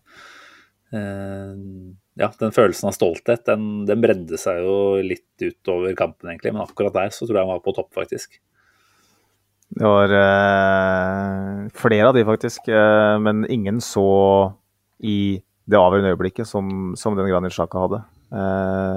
Det var jo tre, fire, fem sånne situasjoner eh, litt lenger, litt lenger Uh, ut fra målet, som, hvor Arsenal-spillerne er inne akkurat uh, idet en pasning skal spilles inn, eller et skudd skal eh, forsøkes. Da, sånn at man ekstremt påskrudd, og ingen mer eh, påskrudd enn Granit Xhaka, som virka halvskada hele andre omgang, egentlig. Og det kan jo igjen være litt basert på det vi snakka om, Simen, at uh, her er det en som sammen med Jorginho er en voksne på midtbane her, som rett og slett bare bruker enhver anledning til å holde seg litt til lysken. Eh, eh, som bruker enhver anledning til å dra tida ut og stykke opp spillet til Newcastle. Og den, Mm. den taklinga altså Han kan variere på den måten å være liksom tilsynelatende litt off the boil, og så gå på det returløpet. Det er, det er rått å se på. Ass. Og Granit Xhakas beste kamp på en god stund. Eh, Ålreit mot Chelsea med tre assist, skal sies. Ja, det skal sies. Igjen, det. jeg klarer ikke å ta den kampen seriøst. Gå på litt andre ting, da, i, i den kampen her, kan du si. Ja, ikke sant. Det er litt sånn eh, Nå har Granit Xhaka denne sesongen her blitt uh, mer enn uh, spiller på den siste tredelen, nesten. Uh, men som da åpenbart har leser spillet godt og står i, i de rommene og sørger for at vi har en balanse. da, eh, større grad enn en, en Fabio Vieira f.eks. ville gjort. da, En mer offensiv type. Um, eh, men dette her var jo en Granit Sjaka of old, på en måte. En som spilte litt dypere. Eh, en som uh, covra Det var vel et Gabriel var ute på et var skikk på løpetur. Jeg lurer på om det var første omgang. jeg. Eh, Jeg husker ikke helt i hvilken anledning. Han var skikkelig på løpetur. Eh, Helt ute av posisjon. Og da tenkte jeg, jeg. Ja. Kivior eh, står igjen da som på en måte lederen bak der. Eh, dette var ganske tidlig i kampen, tror jeg. Og da så jeg som Sjaka bare umiddelbart droppa dypt og ble stopper. Bare, åh, det er så deilig. Det er så deilig når du har en spiller som er så rutinert og så påskrudd. Eh, og den, den taklinga som du nevner, er jo, er jo nøkkelen. Eh, ikke nøkkelen, men det er det som oppsummerer det, det hele. Eh, flaggskipet til, eh, til Sjaka i den matchen her. Ja, kan argumentere for BB akkurat uh, på den isolert sett vil jeg nesten påstå. Mm. Og mange gode kandidater i dag, Ramsdale òg. Syns jeg vi fortjener å Eller han fortjener at vi prater litt om han. Han bryr seg jo selvfølgelig om hva vi sitter her og, og lirer av oss. Eh, veldig deilig at det ble en smultring igjen nå. Det var lenge siden sist, tror jeg. Jeg kan ikke huske helt sist, oh. men, eh, men bittert mot Chelsea. ikke sant? Eh, ha full kontroll på ting og slippe inn det. Og vi vet hvor ekstremt mye det der eh, plager Ramsdale også. I dag så gjør han jo all jobben sjæl, nesten. Altså ja, mm. litt hjelp av Sjaka får han jo også på den ene der, da, men det er ikke sånn at han blir hjulpet ti av ti av de foran seg i dag. Så um, gjør seg virkelig fortjent i clean sheeten i dag, da. Jeg vet ikke hvor mange redninger det ble på han til slutt, det. men en slags BB-prestasjon uh, derfra også. Og det, må, det, skal jo sies at um, selv vi har skrytt på en måte um, det kollektive opp i skyene her, så, så er vi som vi var inne på ganske tidlig i, i episoden, at det er små marginer her. Altså, Skårer Newcastle uh, tidligere, hvis den Murphy-avslutninga går inn, så kan det hende at vi ser på en match hvor vi taper 3-4-0, at, at, vi klapper sammen litt. ikke sant? Det er, det er så marginalt. Sånne øyeblikk uh, tidlig i en fotballkamp kan bikke hele lasset i en eller annen retning. Eh, så kan det på en måte så er det, handler det om kvalitet. da. Arsenal hadde den nødvendige kvaliteten offensivt i dag. Det hadde ikke Newcastle. Eh, men det var noen glipper der. Og Ramsdale redder oss eh, ved et par anledninger, og spesielt det hjørnesparket eh, i andre omgang, tidlig andre omgang. Jeg forventa jo det, jeg skrev det vel på Det var kanskje en annen chat jeg skrev det på. Jeg er medlem av mange Arsenal-chatter. så Til min samboers store frustrasjon, og jeg sitter for dypt i telefonen min og prøver å svare alle. Um, så, så er det sånn at Igjen, nok en gang så sovner Arsenal fullstendig på defensiv dødball. Um, jeg har ikke sett reprisen etter kamp. Jeg heller, vi snakka om det før uh, sending, men uh, han står vel da mellom I hvert fall Zinchenko er i fasen der, mens Fabian Skjær står helt, ja. helt, helt alene. Og på blank goal, nesten. Uh, heldigvis står Ramsdale, han, han kan sette den litt mer til sida, så har du ikke sjans, men uansett. Jeg vet ikke hvor, hvor stor avstand er mellom Skjær og, og, og Faens Skjær og, og Ramsdale der. Det, det, er ikke mer enn en meter, kanskje. og han får opp hånda der. En enorm refleksredning og redder Arsenal fra eh, utlign, eh, å få utligningen mot. Mm. Og ikke minst det derre tunge spøkelset over seg gjennom at den defensive dødballen ble på en måte enden på visa for det som kunne blitt en, en, en kjempeseier. Mm. Eh, så han skal hylles virkelig spesielt for meg det, det øyeblikket. Ja, og uten å trekke inn andre keeper her som ikke egentlig fortjener å bli nevnt i samme åndedrag, så altså den styrken på armen til uh, Ramsdale der, den, uh, den er lett å undervurdere litt, tror jeg. For den ballen mm. kommer i ekstrem fart. Så uh, Ja, altså han må jo faktisk ut med armen, da. Jeg så jo rett før vi gikk på lufta her i stad at uh, De Gea ikke var like, like solid på baklengsen han slapp inn. Så, så, det Ramsdale holder på med egentlig gjennom sesongen her som helhet, etter å ha vært litt bitte grann uh, off på slutten av forrige sesong det, det, ja, Vi har snakka om det før, det har blitt undersnakka litt. Men nå har vi kanskje sagt det nok ganger til at det egentlig ikke gjelder lenger. Uh, han har vært en uh, ordentlig premissleverandør bakerst der for, for ja, vi er vel laget med tredje færrest innslupne, så han har virkelig gjort seg fortjent til, eh, til den hyllesten eh, han får nå, altså. Absolutt. Og mm, han eh, ble jo åpenbart et offer for sitt lag og taktikken og sitt egen overmodighet mot Southampton der når han slår bort ballen. og fucker, fuck opp den matchen for oss, på sett og vis. Men du ser jo i dag at han, han spiller jo mer på, på det trygge. og litt sånn som vi snakka om Georginio og Kivior og de taktiske grepene, må, måten man tilpasser seg en, en, en ikke, ikke bedre motstander, men en motstander som er et bedre øyeblikk enn oss. Uh, ja, har noen, Som har noen ekstreme styrker som man enten kan velge å, å forholde seg til, eller så kan man kanskje være litt dumme og naive, som vi har vært et par anledninger tidligere her, og ikke ta tilstrekkelig hensyn. og Da, da ville vi blitt straffa i større grad. Ja, for da, I første omgang så følte jeg at vi de første ti minuttene så har vi ikke kontroll på kampen. Eh, og som jeg var inne på, det tror jeg nesten ingen hadde hatt. Eh, men jeg føler jo at Ramsdale, som alle andre, eh, sørger for at vi, at vi, på en måte, at vi har kontroll på at vi ikke det til. Vi, vi, vi er veldig lojale mot gameplanen i hele kampen, og det respekterer jeg veldig.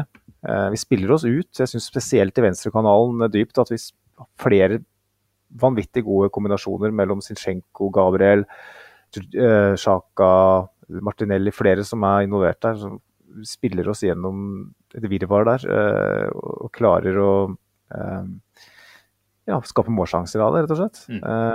Men vi er ikke overmodige på den måten som vi har vært litt de siste ukene. Vi, vi, det er relativt kalkulert. Selv en, det kan alltid skje en feil, men jeg syns i dag så så er vi ikke overmodige. Nei. men samtidig lojal. og det, det er liksom Å finne den balansen der da, Uh, i en sånn kamp med det trøkket, det, det, imponerte meg veldig. og Jeg var ikke helt enig i de som mente at vi hadde at vi var helt ute og sykla det første halvdelen av første omgang. Jeg tror det handler veldig mye som sagt om at vi møter et lag som er i et enormt godt øyeblikk. Og når vi først liksom klarer å ri av den stormen, så syns jeg vi er veldig voksne i dag. Også. Ja. Nei, det er jo veldig betryggende, altså, og det skulle jo være ikke, altså Det er ikke så vanskelig å skjønne det heller. Det er en gjeng her som er jevnt over, da. Eh, yngst i ligaen. Eh, som ikke har gjort alt perfekt. Men så ser vi da, eh, fra et par kjipe opplevelser til det som potensielt sett kunne ha blitt en veldig kjip opplevelse i dag. Da. Eh, at man har tatt noen steg og gjort noen tilpasninger. Eh, tilnærmer seg dette her med en ja, Kall det litt mindre naivitet, da. Eh, litt mer eh, hensyntagende. Og da gir det faktisk resultater eh, igjen, da, umiddelbart. Så det er jo virkelig håp for det som kommer videre her, at, at den gjengen her virkelig lærer på, på, jobb fra uke til uke. Både gjengen utpå der og Arteta, som også kanskje gjør noen grep underveis i dag som, som påvirker dette her i vår favør. Mm. Så nei, jeg må jo si at det er utrolig oppløftende eh, når vi etter en nedtur som det har vært, faktisk eh, ser ut til å, å, lære og vokse litt på det. Og, og komme Skal ikke si enda allerede at vi kommer styrka ut av det, men eh, å reise til St. James' Park med de omstendighetene vi har, som vi har snakka om nå, det er ekstremt vanskelig. Og da å sitte igjen med en vil jeg si fortjent seier til slutt, det er eh, rett og slett bare å, å ta seg hatten for det, altså. Men vi har fått litt flere spørsmål, Magnus. Mye positivt her. Men må ta det spørsmålet her fra Martin Pale Jensen, som først og fremst kommenterer at det var en helt nylig bortekamp. Men så spør han om Saka er en skygge av seg selv om dagen. Utfordrer sjeldnere, og når han først gjør det, så blir det halvhjerta og vi mister ballen. Mistet fart til å gå forbi motstander også, eller? Burde tatt Burn ni av ti ganger på fart. Hva tenker du om Bukayo, eh, både i dag og egentlig de siste matchene. Har han, han har åpenbart vondt, for han hadde vel eh, vært ute på sidelinja i løpet av første gangen og spurt om uh, smertestillende. Fått nei fra klubblege Gary. Gary O'Driscoll, er det ikke det? Mm. Den måtte han vente til pausa med. Det tenker jeg å si mye da, om hva som er status for, for Saka. Der er det kakking på hæler flere ganger hver kamp, og sannsynligvis en smerte som vi ikke nødvendigvis klarer å, å forstå fullt ut, som han må bite i seg eh, hver eneste gang han går ut på banen. Eh, og han har spilt litt mye, kanskje. Eh, enkelt og greit. Eh, hva, hva, skal vi si om, eh, om, både hans innsats og eventuelt hans Artetas valg om å, å la han stå hele sto i dag, hele kampen ut? Nei, han gikk Nei, av, han, Nelson, han gikk av ja, for eh, Nelson, ja. Mm. Stemmer. Mm. Men det er jo aldri det første byttet vi gjør, stort sett. Eh, det er en, og vi har snakka mye om Bolkayo før. Det handler om å til en viss grad klargjøre han for det som kommer framover også. Eh, Champions League, hvor det skal presteres to ganger tre ganger i uka. Men eh, skal vi bare akseptere at han må få lov til å ha noen, eh, kall det off-days òg. Selv om Dan Burn ikke er så jævla rask, så er jo han en veldig god forsvarsspiller som det ikke nødvendigvis er lett å komme seg forbi, eh, til tross for at det er en, eh, en fordel på fart der, da. Nei, Dan Burn er jo litt sånn som Peter Crouch og Per Mertesaker, undervurdert pga. at han er lang og hengslete. Eh, Kjempegod bekk, utrolig nok, for å være så fysisk uh, uegna, sånn tilsynelatende. Mm. Men utover det, Bukayo Saka bet meg veldig merke i hvor store smerter han fikk når han ble tråkka på ankelen av eh, Bruno Gimares. Eh, ja, det gjør selvfølgelig vondt, men og kanskje er det Bukayo Saka som gjør litt av det vi hyller andre spillere for eh, på det laget her. At han brukte pausen godt hver eneste gang han hadde mulighet til å bruke noen sekunder. Men han, så ut til at han fikk kjempevondt. Altså det, det sier kanskje noe om smertetilstanden hans i, i viktige ledd. eh, som gjør at han blir noe hemma, rett og slett. eh, I situasjoner han måtte ha overskudd og fysikk til å, gå forbi og utfordre, så kjenner han på at eh, det, det rett og slett gjør for vondt.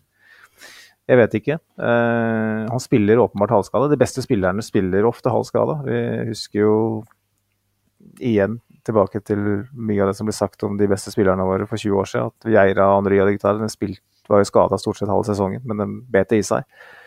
Og Bukayo Saka er kanskje en, en sånn type. Han, han har en smerteterskel som er kjempehøy og skal spille alt, vil spille alt.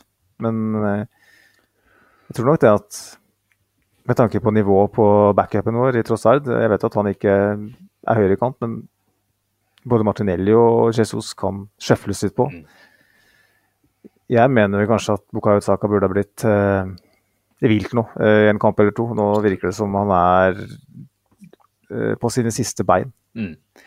Jeg syns det er overraskende at ikke man tar av uh, han istedenfor Martinelli der. For da, da bør man lett kunne la Martinelli stå. eh, sette på en uh, Trossard istedenfor. Uh, eventuelt en Nelson, men eh, en Trossard også la Jesus og Trossard mikse opp litt eh, på det sentrale og på høyresida der. Det, altså ja, Mikkel har jo selvfølgelig peiling på hva han holder på med, men eh, frykter jo litt for spillerens ve og vel, rett og slett. Da. Eh, og det har vært det sånn helt åpenbart eh, over en flere ukers periode nå at eh, selv om jeg syns han så livligere ut mot Southampton enn i en del andre kamper, så har det jevnt over vært et inntrykk at han spiller un altså uten et overskudd som han hadde tidligere i sesongen. Da. Og det er selvfølgelig påvirka det fysiske og sikkert da også det mentale til en viss grad. Og at eh, en kamp som i dag, selv om vi for så vidt eh, aldri har full kontroll på at dette blir tre poeng før det nærmer seg slutt, så, så bør det kunne være mulig å gi han noen flere minutter eh, på, på sida der, da. Men uh, greit, nå er det en uke til neste kamp. Uh, tipper vi ser den fra start igjen uh, da også. Og, og det er 100 eh, bevisst, tenker jeg da, fra Mikkel, om å bygge opp en slags tøffhet hos Saka, som jeg kanskje føler at han har prøvd å spille på også litt inn mot Smith Roll, eh, men hvor han kanskje ikke har fått eh, de svarene han har ønska tidligere. Nå har han jo for så vidt ikke gitt den sjansen i det hele tatt, så det blir jo en litt annen eh, diskusjon og en kanskje dårlig sammenligning sånn direkte, men for at han har kasta en challenge på Bukayo her. Du skal spille alt og gi meg ditt beste hver eneste kamp. og det er eh, ja, rett og slett kanskje et smertehelvete å komme seg litt igjennom det nå, da. Men eh, jeg tror jo at det bygger opp en, en større motstand inn, inn mot eh, neste sesong, hvor han bør, forhåpentligvis for vår skyld, eh, kunne prestere både i liga og i CL. Så Mm. Men det, det, det, passer jo bra å ta et spørsmål fra Fredrik Heierstad på Twitter her, da, Simen. eh, For du nevnte Smith-Roe. Vi har jo elegant hoppe over han i disse tre episodene, tror jeg. Selv om stort sett alle andre har snakka om den, så bruker vi så mye tid på å snakke om eh, dama til Kiwior som twerker på Instagram og sånn, at vi glemmer helt å snakke om sånn Smith-Roe. Eh, Fredrik han spør hva tenker dere om ryktene om at eh, Smith-Roe trenes eh, til å kunne spille i Sjaka-rollen? Eh, Simen, du kan jo Det har jo vært litt snakk om det. jeg har registrert det, og det gir jo veldig mening. Og det er noe vi har snakka om lenge, har vi ikke det? At det er et, eh, et sted på, i banen hvor man ser for seg at vi har mulighet for å upgrade med en annen type spiller. Um, Men sånn i konteksten til de siste ukers mm. uh, uh, Hva skal jeg si? Uh, Mil på bruk. Han, uh, Ja, han har jo ikke spilt i det hele tatt. Nei, er det, er, jobbes det med å redefinere? Er det, Nå husker jeg ikke helt hvordan Sjaka har eh, Hvor mye han har blitt brukt. Han har stort sett stått de fleste kampene, har han ikke det? Um, Og i f.eks. Southampton, hvor vi virkelig trengte scoring, så kasta vi vel inn en Trossard. Uh, som er mer offensiv, uh, kan man kanskje påstå, enn Smith-Roll. I hvert fall mer produktiv uh, i det siste. Jeg tenker jo at det kan godt hende at det ligger noe i det. At Mikkel tenker at dette er ikke en Altså ja, han skårte en del mål i fjor. Det må vi på en måte kanskje legge litt til side, for det var eh, Uten at man skal eh, diskreditere han de skåringene, så var det jo mange av de som var litt enklere, var det ikke da? Eh, kanskje det er å ta i litt, men eh, mulig at han rett og slett ser at eh, skal han ha en en Sjaka-type eh, ansvar, da, så er han ikke klar for det ennå, derfor brukes han ikke. Eh, Jeg vet ikke om Ja, jeg vet ikke helt hva som er fremtiden til Smith-Roe. Jeg frykter jo at han kanskje ikke helt har den mentaliteten eh, Arteta ønsker og krever, og at det er vel så mye derfor at han ikke brukes. Eh, Men det er klart vi har jo for så vidt frykta det også når det kommer til Martinelli tidligere, og ser jo at han, han er eh, en av Artetas absolutte favoritter i dag, ikke sant. Men um... Han snakker jo ikke på samme måte om Smith-Roe som han gjorde om Martinelli.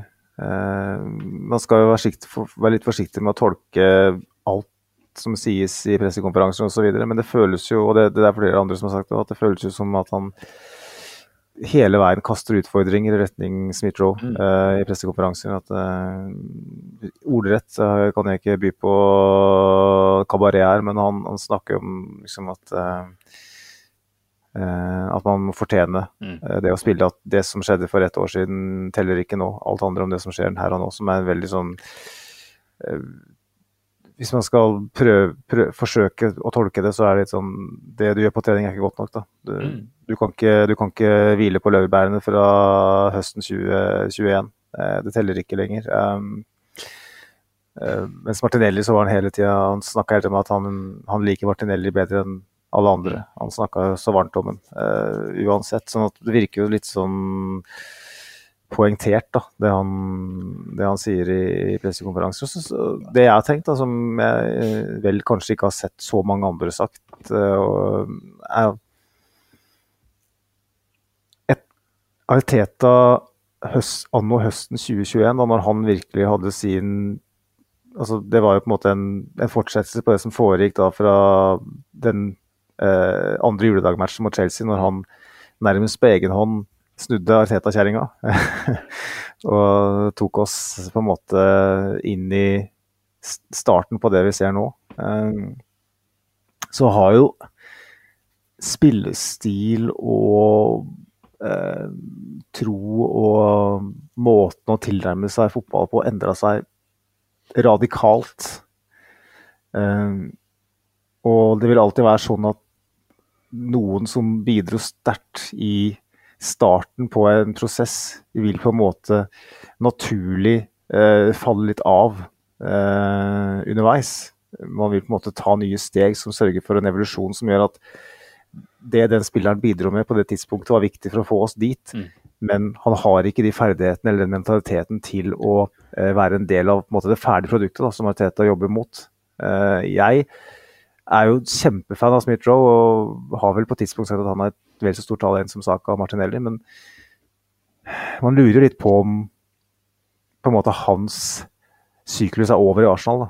At han har, han har gjort det han eh, kunne bidra med i prosess Arteta. At han ikke har de eh, ferdigheter eller om det er mentalitet Mm. eh, som gjør at han kan være en del av det Arteta ønsker å bygge mot nå. Da. Og det er det ikke noe skam i heller, på en måte. Eh, det er en teori jeg har. da, at eh, Vi har jo sett at han har kommet inn i en dypere utbanerolle tidligere i kamper og har forsvunnet helt ut. Um, og han var også en spiller som i stor grad profitterte på kaotiske matchspiller. hvor det var mye frem og tilbake, hvor det var mye overgang, hvor mye rom. Eh, hvor det gikk veldig fort i lengderetningen når vi, når vi angrep. Mens Arsenal anno 2023 er et lag som er så høyt respektert, som gjør at de fleste gir oss ballen.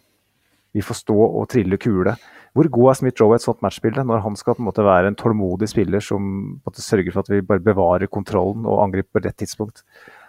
Jeg er usikker. Jeg har aldri, jeg har aldri, aldri sett Smith-Roe eh, for Arsenal eh, over tid i et sånn type scenario. Nei, det var jo Eh, ikke, fordi vi har ikke holdt på sånn før eh, hans eh, tid Altså, han hadde jo en alvorlig skade og har vært ute lenge, ikke sant. Og eh, fra Jeg tenker det er kjempegode tanker du har her. Eh, det kan nok helt sikkert hende at de, de er nærmere det som stemmer, enn det man kanskje skulle tro også.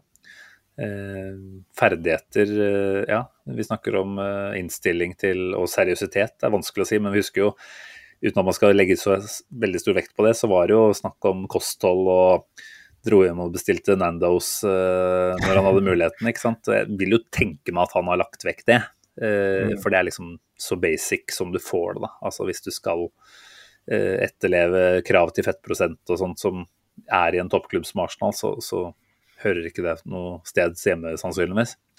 Eh, Men det er klart at Arteta vil ha Formel 1-biler på kantene sine. Han har det i Martinelli og, og Saka, eksplosive som få, ikke sant. Den biten har ikke nødvendigvis Smith-Roll eh, helt i, i den fysikken sin på samme måte. Og så kan det vel hende, som du sier, at han ikke klarer å prege et matchbilde litt dypere i banen per nå. Eh, hva er det Arteta ser for seg her? Har Arteta prøvd å så inn noen eh, ideer og tanker til Smith-Roe på treningsfeltet om at jeg ønsker å bruke deg på den måten her, og så har han kanskje ikke fått de svarene han har ønsket, da. Og da er han rett og slett eh, ikke nødvendigvis vurdert som en av de som går inn i angrepstreeren, eh, men heller som en av de i, i midtbaneleddet, men som Mm. han rett og slett kanskje ikke har blitt eh, veid og funnet eh, tung nok for, da, den oppgaven. Eh, det var jo artig òg at det ene kampbildet hvor vi virkelig har slitt denne sesongen, her, borte på Etiad, da setter han Smith-Roe på. Mens andre matcher hvor vi for så vidt Altså Chelsea, da, for eksempel, hvor vi er ganske komfortable eh, og kanskje kunne gitt noen hyggelige minutter, hvis man kan si det sånn. Eh, ser vi den ikke i det hele tatt. Eh, på slutten i dag òg er det Nelson og Nketia som kommer på, eh, når man på mange Mm. måter begynner å nærme seg en, en trygging, da. Eh, ja, man spekulerer vilt her selvfølgelig, men sitter med en liten følelse av at om det ikke handler om å straffe Smith-Roe, så handler det om å rett og slett igjen videreføre de tingene han har eh, sagt i disse pressekonferansene og sånn, som du er inne på, da. At uh, du må rett og slett tøffe opp litt. Du må du, ja, skjerpe deg litt, ta deg sammen. Uh, våkne opp. Jeg vet ikke. Det er eh, selvfølgelig vanskelig å si hva slags rolle en Smith-Roll har i Arsenal til neste sesong, men vi skal inn i CL. Vi skal kjempe om ligagull. Eh, Arteta er eh, nådeløs, ruthless, mot sannsynligvis absolutt alt og alle. Han skal vinne. Det er det eneste han bryr seg om. Eh, nå går det jo mot at Patino går permanent, ikke sant. Det er jo for så vidt ikke så veldig kontroversielt, med tanke på at han ikke er i nærheten av et Arsenal førstelag per i dag. Utlån som han er.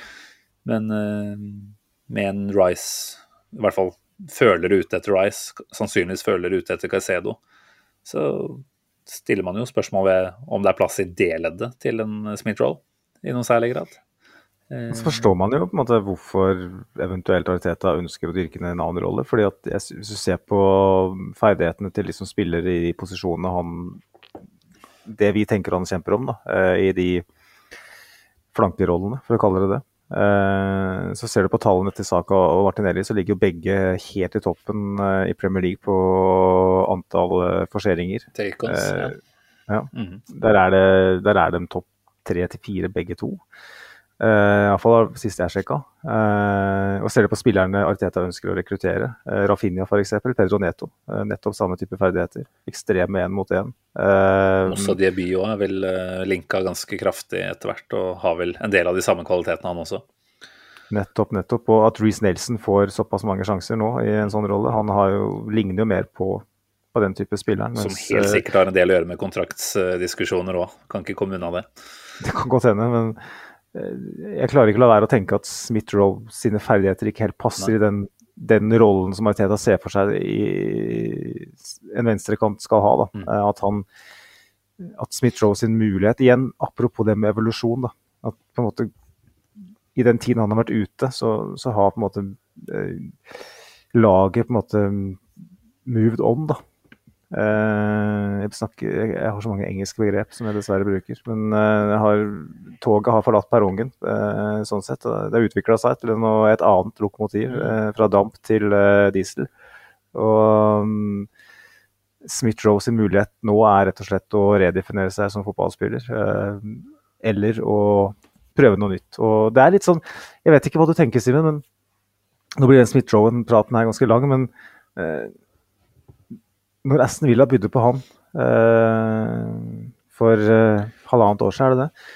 Ja, snart år, ja. Eh, har de blitt mm, oppmuntra fra noe hold? Har de fått noen beskjed via via om at han kanskje ikke er helt Arteta sin kopp te? Altså, jeg vet ikke, det er veldig tynt grunnlag uh, å basere det på. Men det, liksom, det var jo på et tidspunkt alle sa at hvorfor skal Aston Villa komme her og, og by på en nasjonalspill? Liksom, hvordan i alle dager tror tror du at det blir oppfatta? Altså, det var en kontraktsituasjon vel på den tida òg som kanskje tilsa det. Han... Og som du sier, ja, det er to år tilbake. Eh, hadde ja. vi på det tidspunktet eh, visste Arteta i det hele tatt om uh, Smith-Roe var sin kopp med te. Altså, da hadde han jo kasta han inn et halvt år tidligere bare, egentlig, og sett at han var med å mm. virkelig bidra til denne snujobben. da. Så, så, ble han jo satt inn mot Chelsea bare fordi vi hadde ingen andre. Jo, absolutt. Eh, det, Men Arteta var jo ikke blind for den effekten han hadde på det laget da.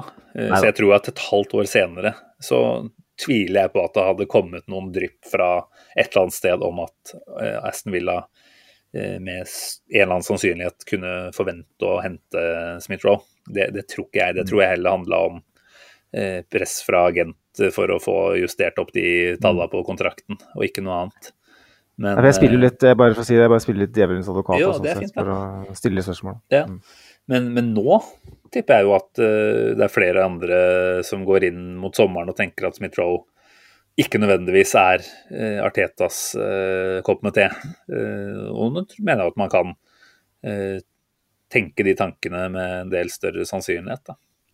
Så, så, får vi jo se hva, hva vi gjør og hva, hva som skjer på innfronten. Eh, vi kan ikke gå inn i hodet på Arteta og, og ja, tenke Tro at vi vet hva han, eh, hva han, tenker, men eh, noen tegn har vi jo kanskje fått nå utover sesongen, og hvilke kamper han har kommet inn i, og hvilke kamper han ikke har kommet inn i, da, ikke minst. Og så er det jo selvfølgelig synd at ikke vi fikk et europaligakjør for en spiller som Smith Rosedale, da. Eh, mm. Sånn jevnt over kan man selvfølgelig kanskje si at det var bra at vi slapp, men en spiller som han ville jo kanskje kunne kommet tilstrekkelig i gang eh, gjennom Europaligaen. Så det, det, er jo et minus for hans del. Eh, litt sånn coinflip her og nå på hva jeg tenker kommer til å skje med, med Smith Rose til sommeren. Altså. Det er eh, absolutt mulig å se for seg at om ikke akkurat Aston Villa, så et litt sånn type lag kan komme tilbake uh, med 30-40 millioner pund og sannsynligvis kunne uh, gjøre det ganske interessant, da.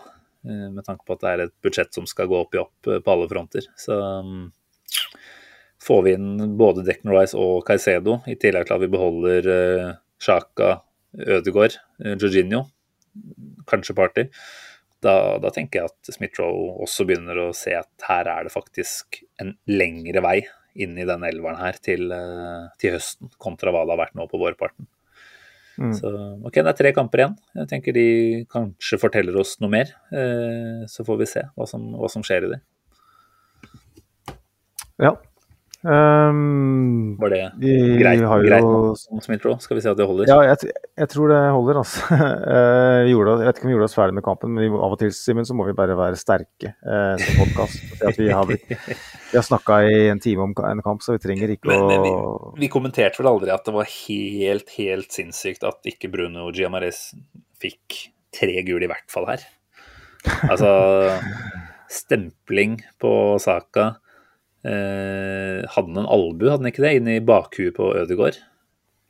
Og Ja, et, eh, en annen ganske solid etterslenger som alle kvalifiserte til gule. Fikk vel ikke gult i det hele tatt, faktisk.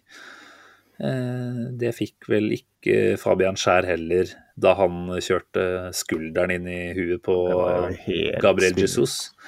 Eh, Fikk det helt på slutten, da, når han og Enketia dytta litt på hverandre. Men, eh, men jeg kjenner jo at eh, ja, vi snakker om en stemning som var fyra opp og sånt i den kampen her. Og på sett og vis så elsker vi det. Men uh, dette er litt sånn Det er litt uh, på kanten og sånne type involveringer som i verste fall kan uh, få ganske mye styggere utfall enn det fikk i dag, da. Jeg syns jo dommer Kavanaugh, eller hva han heter for noe, rett og slett viste seg som en slags junior. Eh, og en som ikke var moden for en sånn type oppgave. Og som sannsynligvis har lest eh, mappa si på forhånd, eller eh, PGMOL-mappa på forhånd om at St. James' det er et det er et livlig sted, og Newcastle spiller erkebritisk og, og knallhardt, så det må vi på en måte tillate, da.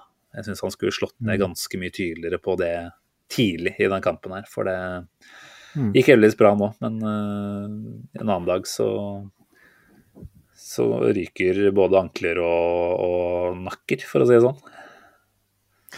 Ja, altså på en måte så, så Før jeg kommenterer eh, dommeren sin prestasjon, så, sånn utover det, så, så, tenker jeg at på en eller annen syk måte så Det at han la lista høyt, det, det ødelagte for, ødela for Newcastle eh, den ene anledningen her, på, hvor det normalt sett ville hjulpet dem. fordi at de opplevde at de fikk lov til å spille på grensa, fikk lov til å, å være hjemmelaget på en arena som er frykta men at de ikke lyktes med å, å rocke. Altså, nesten passet dem bedre at det hadde blitt noe frispark for å liksom OK, vi må tenke litt annerledes.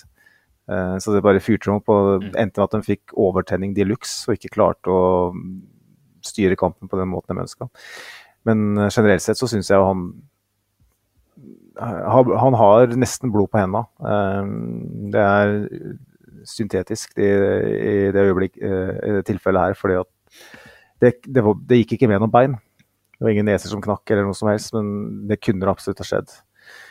Og mm, fikk jo nesten Stoke-vibber av, eh, av Newcastle i dag. også. er det, altså. det, er greit, det er greit nok at man skal spille tøft, altså. Og være oppi og takle med kraft osv. Men den der, den der konsekvente måten å styre inn med albuen nesten i hver, hver eneste gang i rygg, Uh, fair enough at man, man treffer rygg, men man kan jo virkelig treffe feil der. Eh, både Fabian Scheer, som du sier, og, og Bruno Gimaresh Joe, uh, Nei, um, Joe Linton eh, var jo òg med, med, på, med på det her. Og den, den løp jo inn med albuen først, hele veien. Eh, og helt, helt utrolig at de ikke får flere kort. Ja. Det er eh, at den, kort, den kortstokken må jo ligge og vibrere. Det er jo helt, helt utrolig. Og vi snakka vel om det, Simen, før sending, at um, det at Newcastle Og du sa det vel òg, for så vidt, at de har den der litt sånn erkebritiske imaget. Så, så er det nesten at du må liksom tillate litt, for at det er det Det er en ta vare, litt det der, ta vare på underholdningsverdien på et vis. At uh, vi må la Newcastle være Newcastle her. Det er jobben vår å la dem være det de er. Mens hvis Arsenal som har et helt annet image, uh, prøver seg på noe som ligner i samme kamp, hvor det skal være en, konsek en konsekvent uh, dømming, sånn i prinsippet, så, så blir man avblåst. Da. Og det var liksom det var det, Jeg syns liksom at Chris Cavanagh kom greit unna det første halvtimen. Liksom. Tenkte at ok, jeg har lagt lista litt høyt, det er fint, det. Men så var vel ett tilfelle hvor Arsenal ble avblåst for noe som var liksom 25% av det Newcastle holdt på med. Så ble det sånn OK, jeg, jeg, ser, jeg ser hva du prøver på her, Chris Kavanagh. Det er så lett å gjennomskue det du prøver på her. Og det er så dumt. Altså, det, det stikker jo så dypt òg, vet du. Det der, eh, man har gjort seg opp en mening på forhånd, og Arsenals identitet er, ja, som jeg nevnte, altså, det er noe som måtte ha blitt klistra på etter Wengers dager, at vi er eh, franske finessespillere som, eh, som ikke liker at, eh, at det fyrer opp. Og hvis det, hvis det er sånn at vi mot formodning da skulle tillate oss å fyre litt, så, så er det helt out of character og noe som selvfølgelig skal slås ned på. Mens bl.a. det vi ser fra Newcastle i dag, ikke er i nærheten. Altså Nei, jeg, jeg fatter det ikke, faktisk. Jeg gleder meg vilt til den dagen det blir litt uh, mer uh, svare for seg. Det syns jeg jo er kult å se i Eliteserien i Norge nå om dagen, at dommerne stort sett dukker opp. og Det er ikke alltid de svarer fantastisk mm. godt, selvfølgelig, men de er i hvert fall der og forklarer litt om hva som tenkes. da. Uh, mm. Og det blir stilt noen spørsmål som, som faktisk, tror jeg, på sikt vil gjøre at man får, om ikke bedre dømming, så i hvert fall litt mer forståelse for, for det som uh, skjer. Da. Og skulle likt å høre hva som hadde gått gjennom huet på Kavanagh i dag, både før og underveis i kampen. Uh, hvilke, hvilke parametere er det han egentlig forholder seg til? Uh, føltes som det var to vidt forskjellige. Men vi mm. vant, så vi trenger ikke å bruke så mye tid på det. Men, og vi har heldigvis ingen skade med oss framover, så da, da er vi fornøyde. Men som Jonas eh, Lundsvold skriver her på Twitter, så kan det egentlig stemme i der. altså Godt det ikke var jeg som spilte, hadde vi fått rødt kort på flekken. Eh, litt sånn, Hadde det her vært eh, bedriftskamp eh, for noen år tilbake, så, så, hadde det jo ryket på en smell. Jeg veit jo det. At det eh, hadde vært vondt i ribbeina dagen etterpå når det hadde gått drithardt inn i ryggen på, på en eller annen motspiller. Og frykta vel egentlig at Jesus bl.a. skulle kunne pådra seg et rødt i dag. For det, han og Trippier de var eh, fine med hverandre underveis i matchen her, de. Det var det. Og uh, en forlengelse av det vil jeg si at uh, hvis uh, Arsenal Station Pod hadde spilt i, stilt i trerfotball, en sånn type match, så hadde vel Sivert Eriks si, Ja, eller tre, så Dattera mi har spilt trerfotball nå i tre år. Ja. starter med det nå, på grasrotnivå. Og um, Sivert Eriksen hadde jo ikke vart tre minutter. han, går jo, han, går jo på, han tofoter jo i kommentarfeltet ofte. Sånn at uh, jeg tipper at han, han hadde rykket tidlig. Så du hadde vel, Både du og jeg hadde vel holdt lenger enn han, men vi hadde vel sannsynligvis uh, måttet uh, gitt uh, walkover til motstanderen med 0-3. Gamle karer, vet du, de holder lenger. Det er ikke så mye ungt drivstoff på tanken lenger. Sant. Nei. Um, Men uh, vi må nærme oss avslutning, må vi ikke det? Jeg ser jo at det er mange vi ikke har vært innom av lytterens innspill. Uh, men ta med ett da, for å bare peke litt framover uh, også. Magnus Indridasson, som vel var den heldige vinneren av Bast Flams fotballbok. Stemmer ikke det? Ja, gratulerer, Magnus. boka er allerede på vei, med personlig inngravering fra fra selveste Bass. Det er stort. Så det, det, blir veldig bra. Og uh, han er såpass sjenerøs, Bass, at han uh, spanderer porto nå til vinneren. Uh, og den boka veier 1,3 kilo, så det Da snakker vi hedersmann. Ja, det er sterkt av Bass. Jeg må bare oppfordre alle der da, til å Han var vel ganske tydelig på det selv, at han gjerne peker folk i retning av Instagram-kontoen sin. Så det syns jo vi at er på sin plass å, å minne om her nå kom inn der. Poenget her eh, var vel egentlig at Magnus Indredesson hadde kommet med et spørsmål. Eh, hvor mange poeng tror dere vi tar på de neste kampene? Eh, nå har vi vel bare tre igjen, har vi ikke det? Da er det ikke så vanskelig for meg. altså Jeg legger huet på blokka og sier at vi tar ni poeng. Vi ender på 90. Ja, det er jo um, optimistisk, eh, som det bør, seg hør og bør. Men uh, nå har vi vært gjennom blippen vår, og jeg mm. støtter, støtter den, også, selv om jeg frykter den hjemmekamp mot Brighton litt. Så. Er klart et, eh, et, Nottingham Forest som ligger vel under streken i disse dager, gjør det ikke det? På målforskjell. Er det, rett? det er jo... Ja, det er mulig at de er rett under, ja. Uh, skal vi se, tabellen er her. De er uh, nummer 18, ja. ja. På samme poengsum som både Leicester og Leeds, da. Så det er klart det blir jo en mm. cupfinale for dem der. apropos stygt, det kan jo bli litt småstygt der og er redd. Men, eh, men, jeg tror med Kiwi og Rinno at vi fortsetter å stå der. Da er det en, en ro bak der som tipper at gjør at vi, vi klarer å, å, faktisk spille ut uh, den motstanderen der. Brighton blir jo en jokerkamp. da. Spennende å se hva slags uh, utgave som, som, møter opp på, på Emirates. Det er jo en kamp man bør frykte litt. Men Ja, eh, nei, Brighton er jo ikke helt ute av dansen. eh, Er jo det for topp fire? Um, det er det vel, men Europaligaen Ja, de er kanskje det. Nei, de er ikke ute av dansen, kamper. ikke sant. Vinner de, vinner de de tre de har eh, Ja, de er to, da, etter at United nå To, ja, de vinner den, så er de bare to poeng bak. Ja, faktisk. Med fire kamper igjen. faktisk. Så jeg vil ikke avskrive dem helt. Nei, de spiller i morgen mot Everton, så kjører de tre poeng der, og, og i runden etter så er jo de sultne når de kommer til Emirates. Men det kan jo passe oss bra, det òg. At det kommer et Mm. lag og åpner seg opp og går for eh, tre poeng hele veien der. Eh, men hva er egentlig Citys gjenstående kampprogram? Det er vel egentlig vel så viktig. Det er nesten viktigere. De har jo, som du nevnte tidligere, én hjemmekamp igjen bare. Tre bortematcher.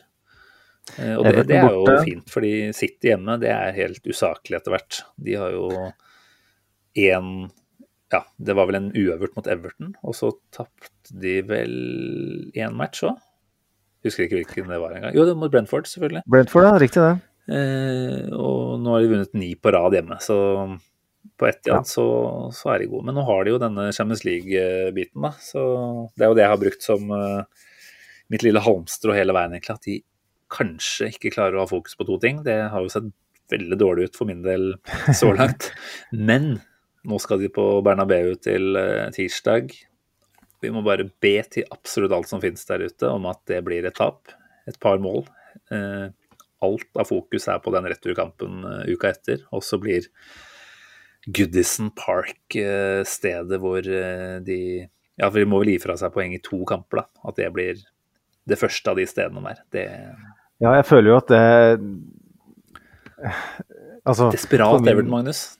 Ja, jeg husker i fjor, fra samme tidspunkt, når Frank Lampard styrte skuta. At det gikk bra, det kan man jo lure på hvordan det er mulig, men det er nettopp det at folk møter opp eh, på Goodison når det virkelig, virkelig står om livet. Mm. Og kanskje de to kampene med mest trøkk i Premier League i, i fjor var jo de to siste hjemmekampene til Everton. Eh, da skjønte eh, Gudisen at nå må vi legge bort hatet vårt mot eh, Moshiri og Usmanov osv. Nå gjelder det bare å støtte gutta Mm. og få dem over målstreka. Så jeg tror absolutt at Sean Dyche og Everton kan utfordre City i en sånn type kamp. Men det kan veldig fort ryke etter fem minutter hvis de er overmodige. Men det er en sånn den, den er skummel.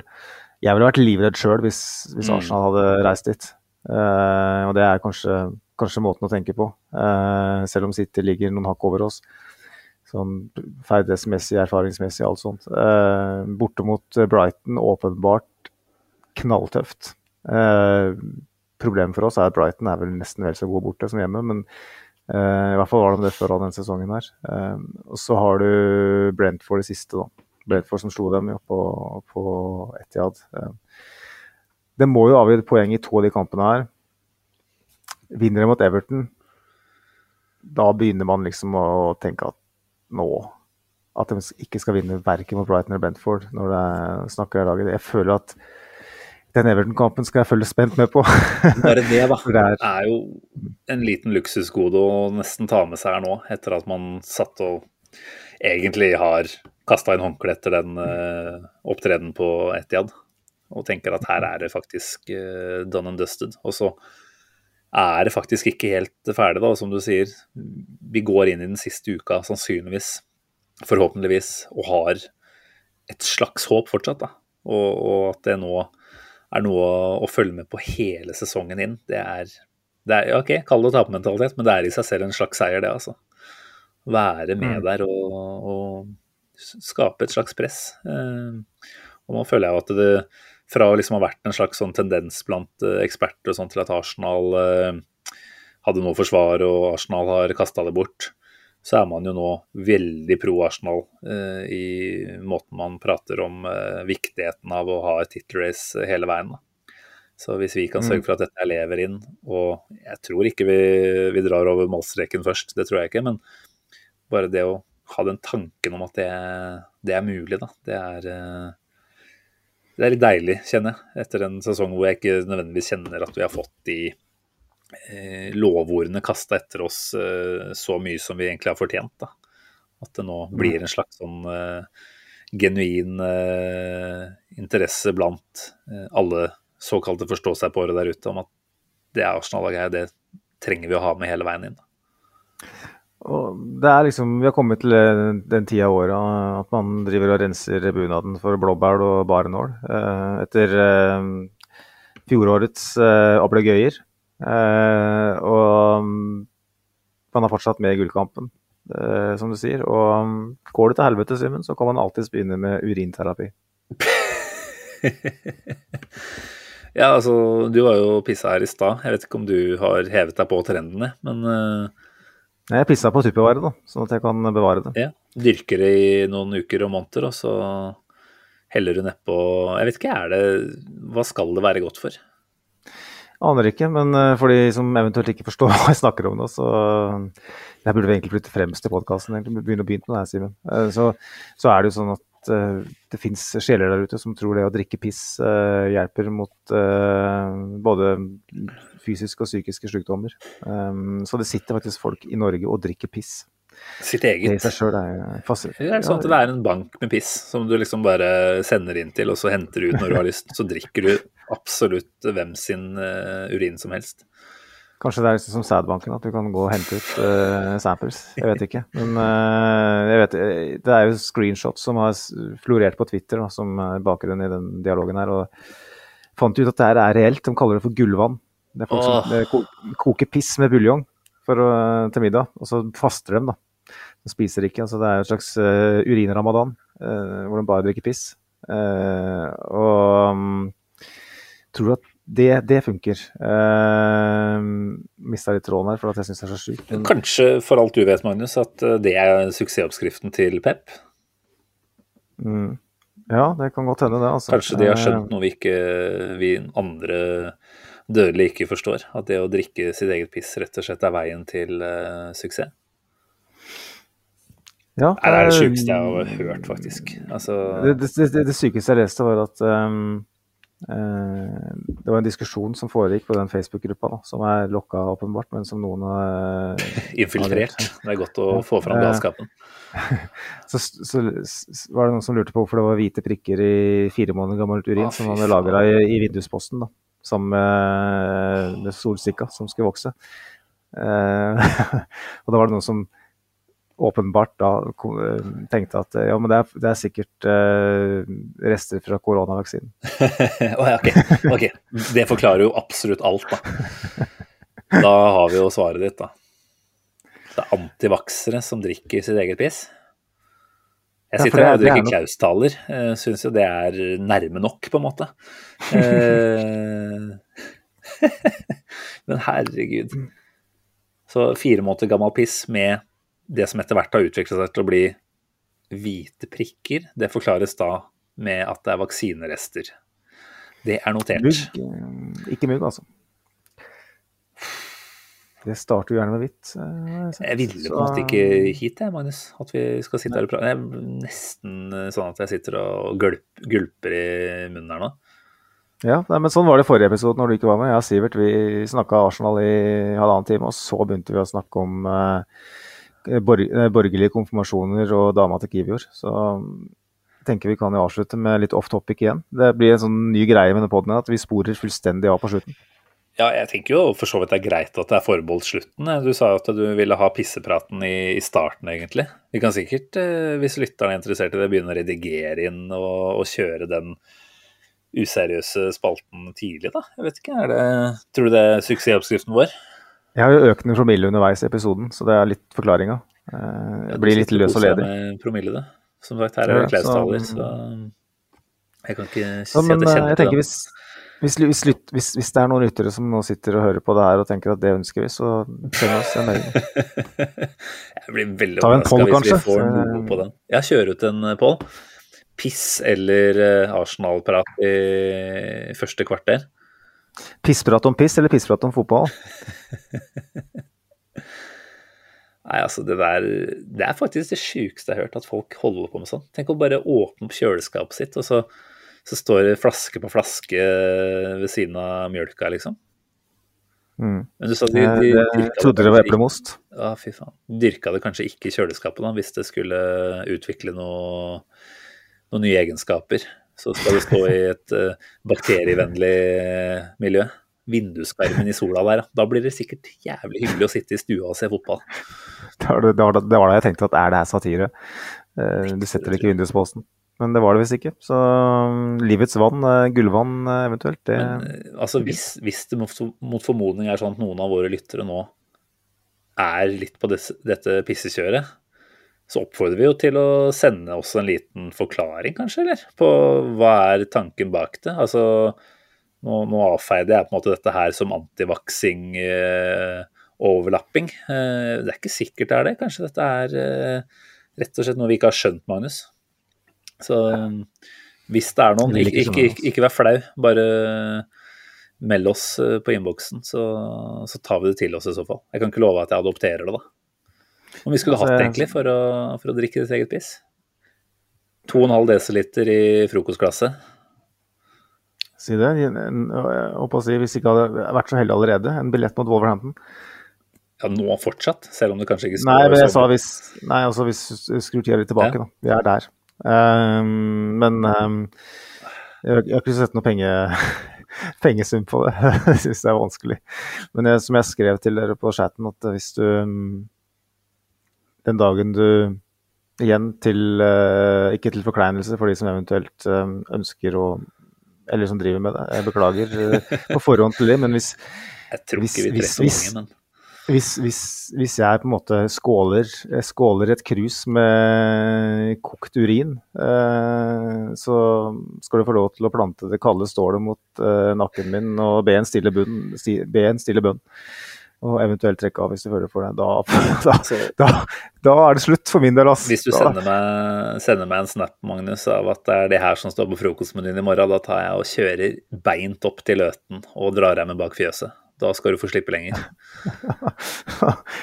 da, da, da, snakker du om at den gamle bikkja der, han hadde ikke gått og vært til stede lenger. Ja, det er blytungt nå. Men, ja. det, det, kunne forklares for både dama di og døtrene dine, det. Nå, nå, hadde ikke pappa godt av å være blant oss lenger. Nei. bra for alle parter at han fikk slippe nå. Beklager igjen til de som eventuelt driver med det. Det her er, det her er satire på et vis. Det, det, det, er viktig i alle tilfeller, for at man må respektere i dagens samfunn, så må man uh, respektere det aller meste, har jeg funnet ut. Så godt er for så vidt, det. ja, så hver sin smak, rett og slett. Vi får la folk uh, nyte de edle dråpene de måtte finne for godt. Greit. Eh, Sivert har sikkert kommet seg hjem fra konfirmasjon. Eh, håper han har hatt en fin dag der.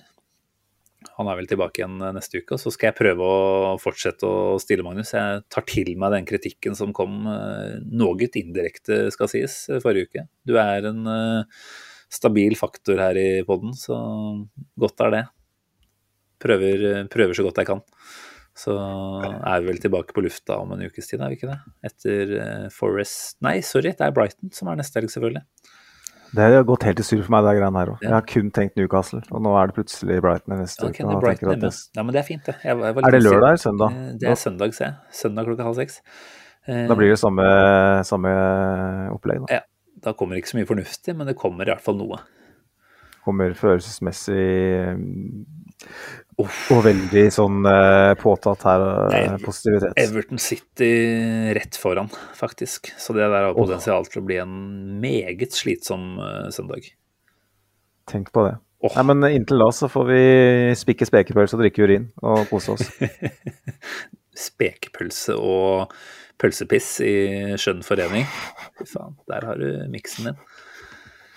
Nei, lykke til videre, Magnus. Håper vi, vi slipper å finne fram uh, shotgunen. Det får vi tro. Det får vi tro. Takk for praten. Det var godt å være tilbake igjen. Jeg har uh, eh, savna det. Så Godt å være tilbake. Høres vi om en ukes tid. Og minner bare alle lytterne om at hvis de ikke har vært innom og fulgt på Twitter eller Facebook eller lika på Spotify eller iTunes, så er det noe vi setter stor pris på. Om dere hiver dere med der, så det får være dagens eh, siste oppfordring. Eh, og ikke drikk piss. Ikke drikk piss. Nei, da er vi enige. Takk for nå. Ha det. Ha det, ha det. Hei.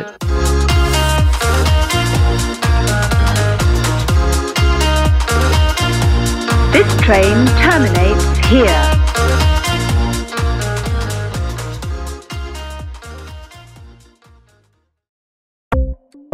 Ukens annonsør er HelloFresh.